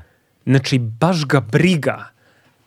Ovo je naše, vi samo prisustvujete. Da, da. I to mi je moćno zato što sad Jordan Peele koji je napravio Get Out, sad Nope i tako dalje, koji je pošao, potekao iz sa SNL-a, sad pravi tu kao kinematografiju, on je rekao, bila je velika kontroverza kad je on rekao, ja ne pravim filmove za belce. I svi su se zgrazili, kao vidi, eto, woke je. Morate da razumete, kada sam ja kao klinac gledao western sa John Wayneom, John Wayne nije snimio film za mene. da. Ja sam samo osoba ko, koja se, koji se desilo da je takođe jedan od gledalaca, ali film se ne obraća meni. Tako da ja sad pravim filmove gde igra Lupita Nyong'o, gde igra ovaj lik Britanac koji je fenomenalan, igra i kod Steve McQueena u seriji Small X, koju ljudi treba da gledaju, naročito druga epizoda o 80. u Londonu i ceo taj skare, ne predivno. Ovaj, svi su uh, crnci. Ja pravim za njih. A sad vi, drugi, vi imate pravo da gledate. Možda će i vama nešto da kaže, ali ja nisam pravio za vas. Da, nisam vas imao u vidu kada sam pravio Tako je. da. I ta provokacija je interesantna i je Arthur Jaffe u tom smislu zanimljiv, jer teza je u stvari uh, mi, uh, ovo se nadovezuje na temu koju smo imali oko tehnologije i tih stvari, šta mi imamo, kaže, mi imamo oralnu tradiciju. Mi nismo imali nikakvih uslova za kreiranje materijalne kulture. Šta smo kreirali? Pesmu Da. ritam. Pesma, znači, i on sad pokušava tu vrstu energije da u galeriji proturi sa punom svešću absurdnosti toga. Da, da.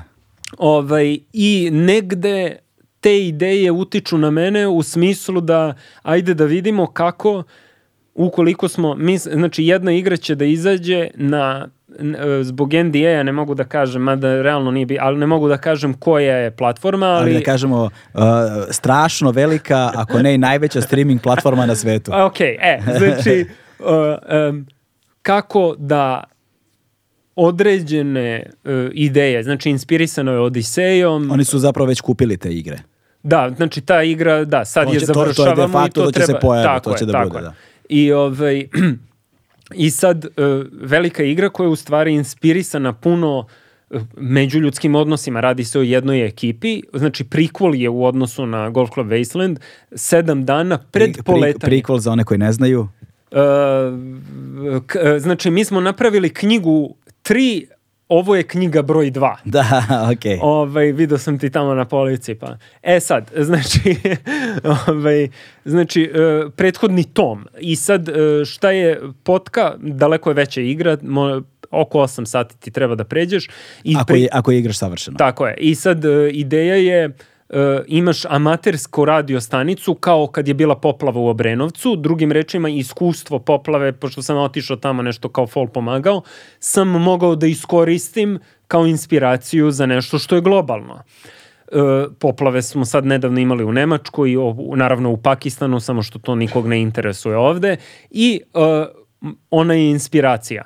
I e, šta je ideja? Da ekipa prijatelja hoće koji su obični ljudi, da se ufura na raketu koja se zove The Hope Rocket, Hope Obama, e, koja odleće na Mars, gde će da osnuju Tesla City za ultra bogate, za taj 0,1% mega bogatih trilionera.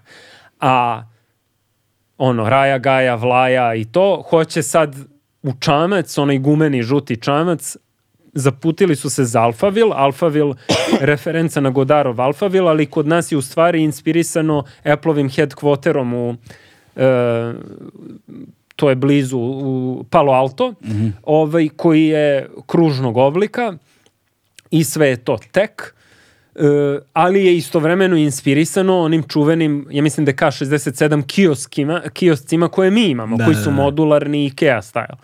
I, ovaj, i miks te dve stvari je ovaj, taj Alphaville. I oni kreću na vrlo kao zajeban put gde ulaze u e, tuče sa raznim drugim ljudima do Alfavila. Znači imigrantska priča. I čak moraju da pređu zid veliki oko Alfavila, ali na kraju ne pređu zid, nego idu kroz kanalizaciju. Da, da, da. I ovaj, Kao od- Beksu i Šošenka. Bravo. Znači, I crawled through a pile- of shit and came out clean. Da. On the other side, tako je, da, da. E, I taj kadar mi je revolucionaran zato što je, čini mi se, nisam siguran, ali mislim da je to prvi put da je a, heroj prikazan iz gornjeg rakusa. aha.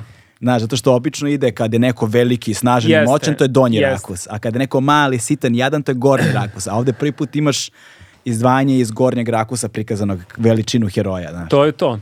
Ovaj, od sužnja do slobodnog. I sad, em, e, tu je, znači, ta ideja i mi imamo sto likova u tom svetu. I tu je negde moja logika, ja sam morao, pošto nismo postali milioneri nakon tog Golf Club Wasteland, morao sam da ubedim ekipu da ovo ima smisla raditi dalje.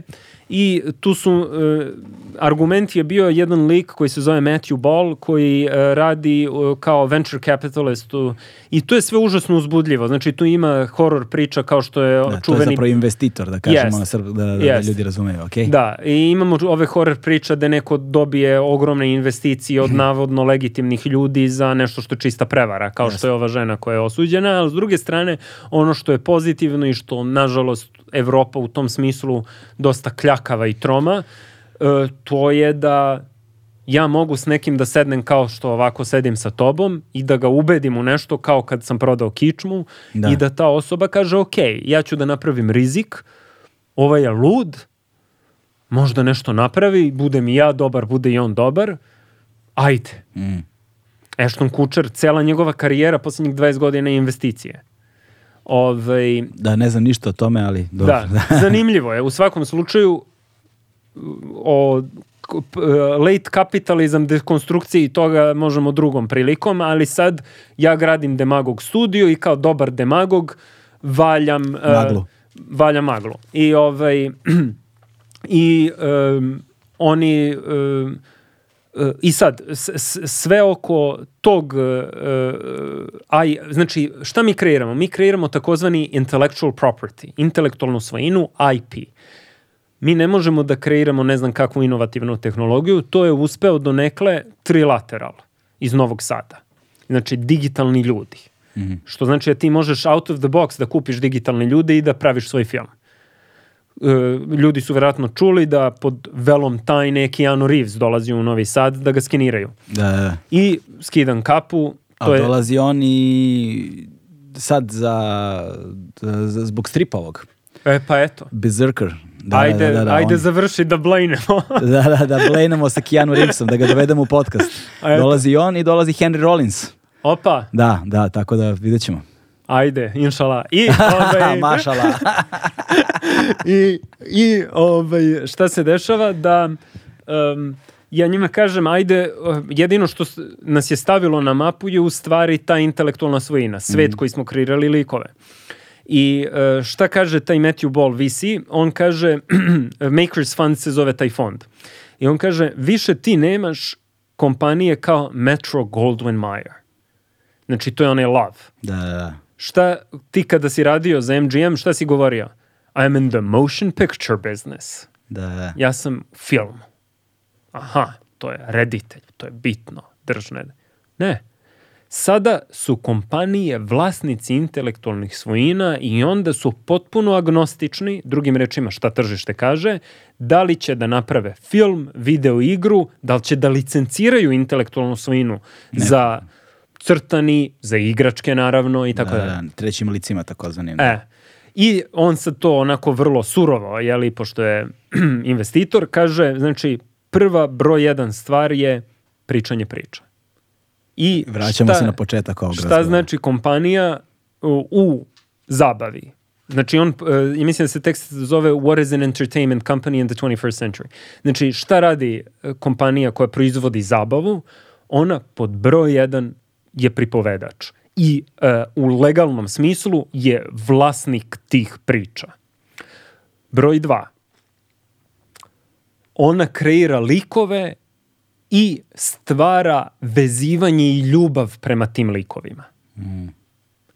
Tu je uvek dobar primjer e, veliki, velike japanske intelektualne svojine, kao što je One Piece, kao što je Evangelion, kao što je Akira, kao što je Ghost in the Shell i tako dalje.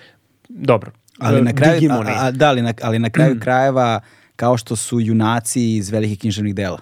Naravno, da, da. Znaš, mislim, to je to. Ja, ja često pominjem ono ko zna koji put u ovom podcastu isto. Naš Raskoljnikov mi je bolji prijatelj od velikog broja ljudi koje znam.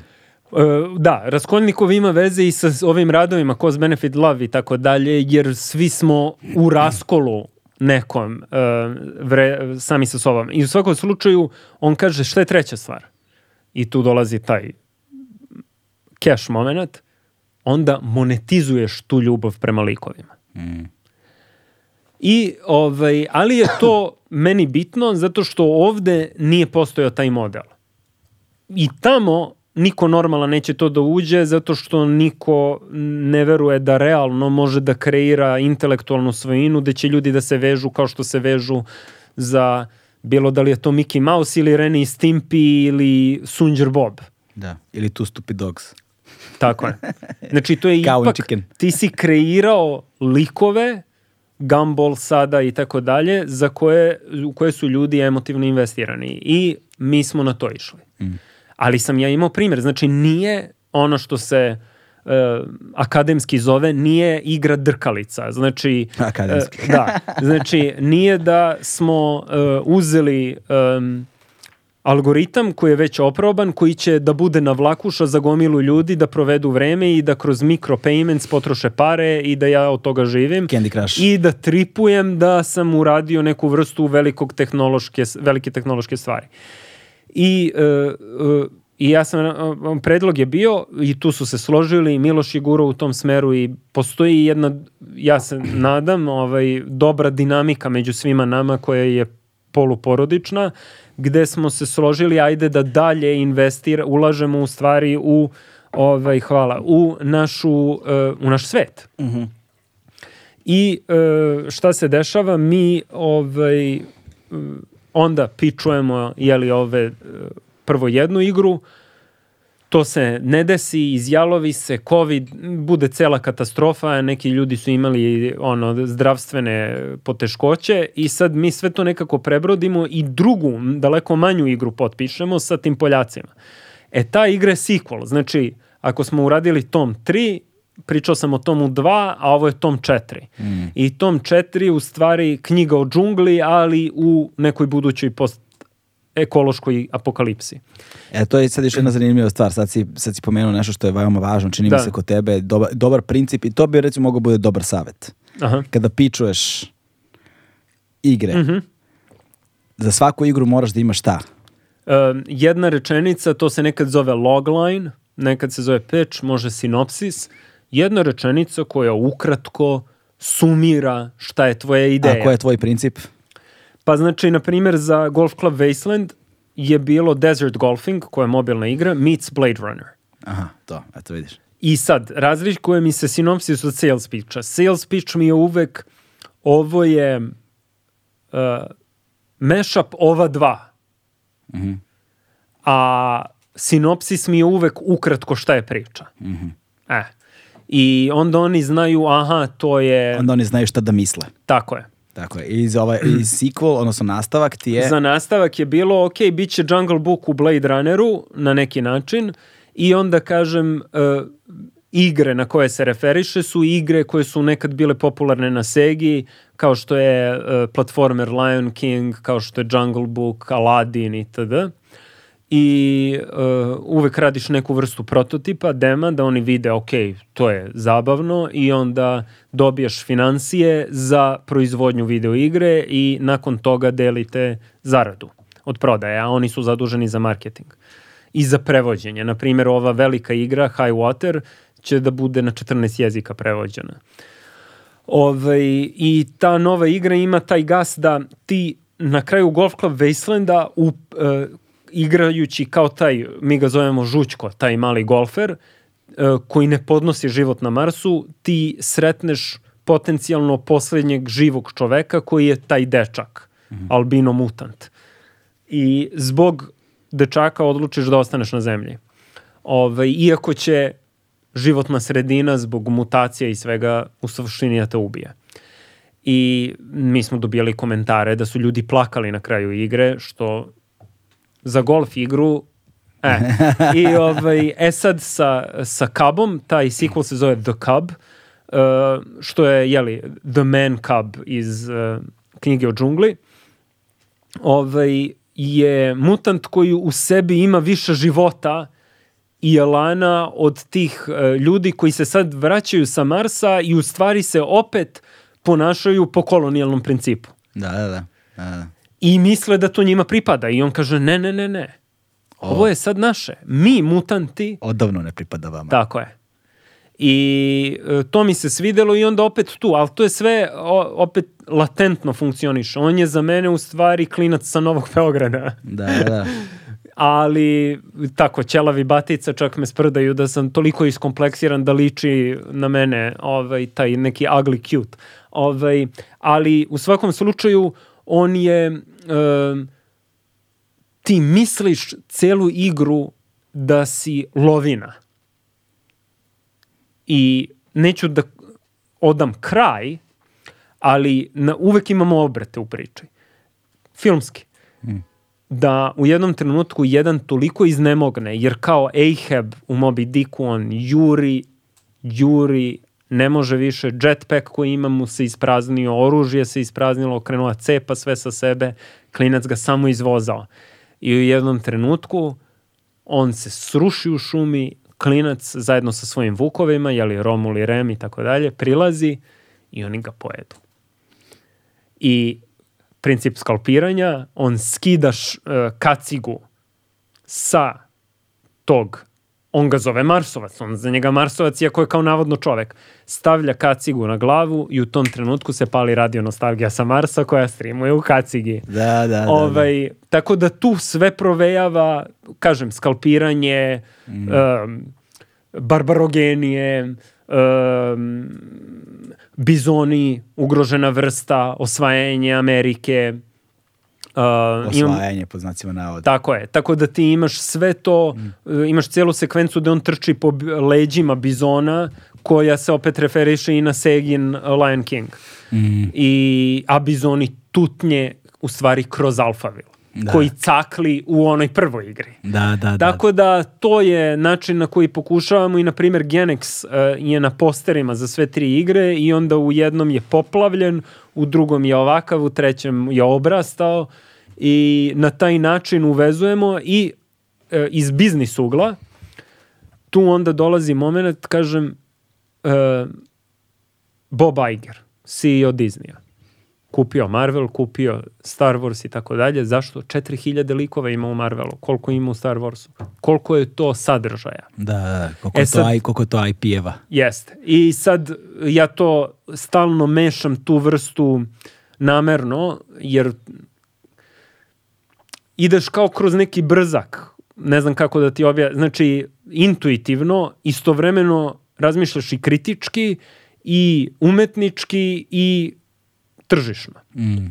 I onda kažem, ok, ajde mi da vidimo, sad smo tri igre napravili, ovo voliko muzike, tu isto imamo biznis model rada sa muzičarima e, i koji ima veze sa time što su neki moji ideali bili vezano za Williama Morisa, za Bauhaus i tako dalje, što pokušavaju s blockchainom da urade, samo što se sve koristi na Znači, da mi delimo tantijeme. Znači, šta se obično radi kad si gaming kompanija? Ti radiš klasičan muzički buyout. Da. Ti, ova osoba je provela tu, znojila se, propišala krv da napravi pesmu, ti kupiš pesmu, platiš osobu i to je to. Pesma može posle da ima milion slušanja i šta ja znam, gotovo. A mi imamo takve ugovore da određeni autorski upliv, pošto smo koautori, recimo ja pišem tekst, Shane je ko-kompozitor, nekad je i glavni kompozitor, ali nekad kao u slučajevima nekoga ko je vanredno talentovan kao na Ćurčin, je on čak glavni kompozitor, plus vokal, plus Interpretator. tako da, je. Da. I onda kažemo, ok, ovo su procenti, tako da kada uh, ide streaming, tantijeme idu svima.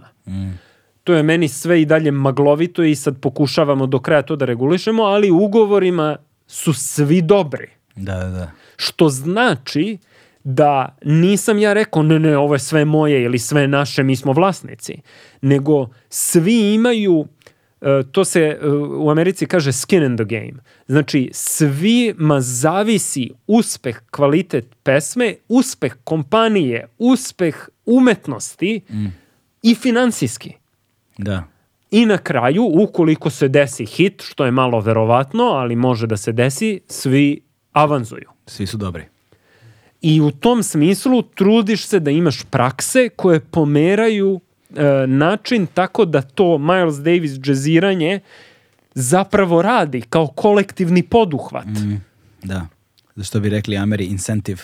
Svi Jeste. imaju, svi imaju motivaciju. Jeste, ali to je zdravo. Znači, niti je neko nekome na grbači, tako da ti izdržavaš druge koji ne doprinose i tako dalje. Iz ugla rada pričam. Mm. Da, iz ugla da. rada, ne pričam sad o zdravstvenom osiguranju i tako dalje.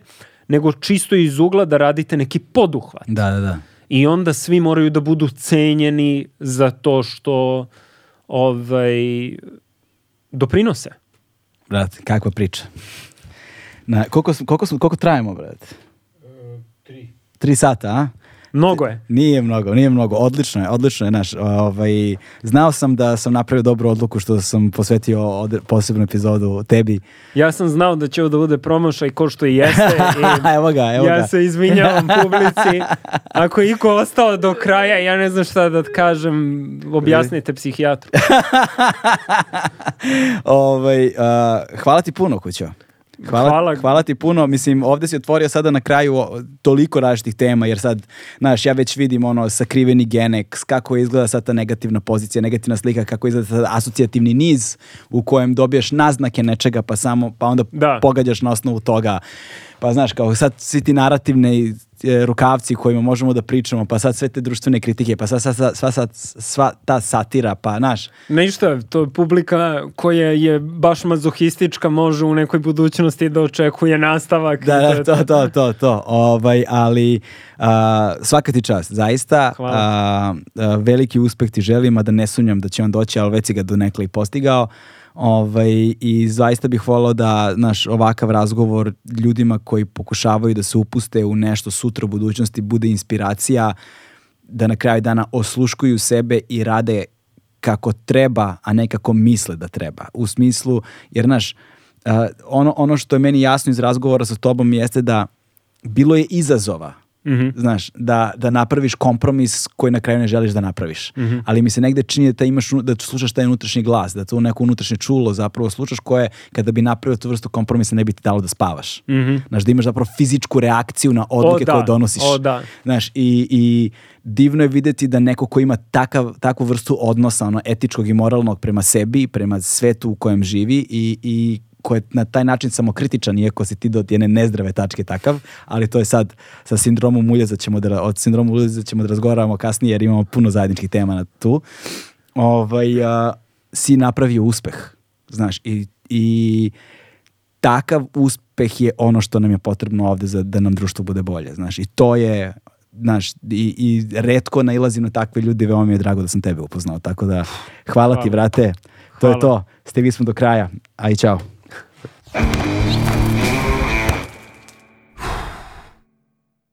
Hmm.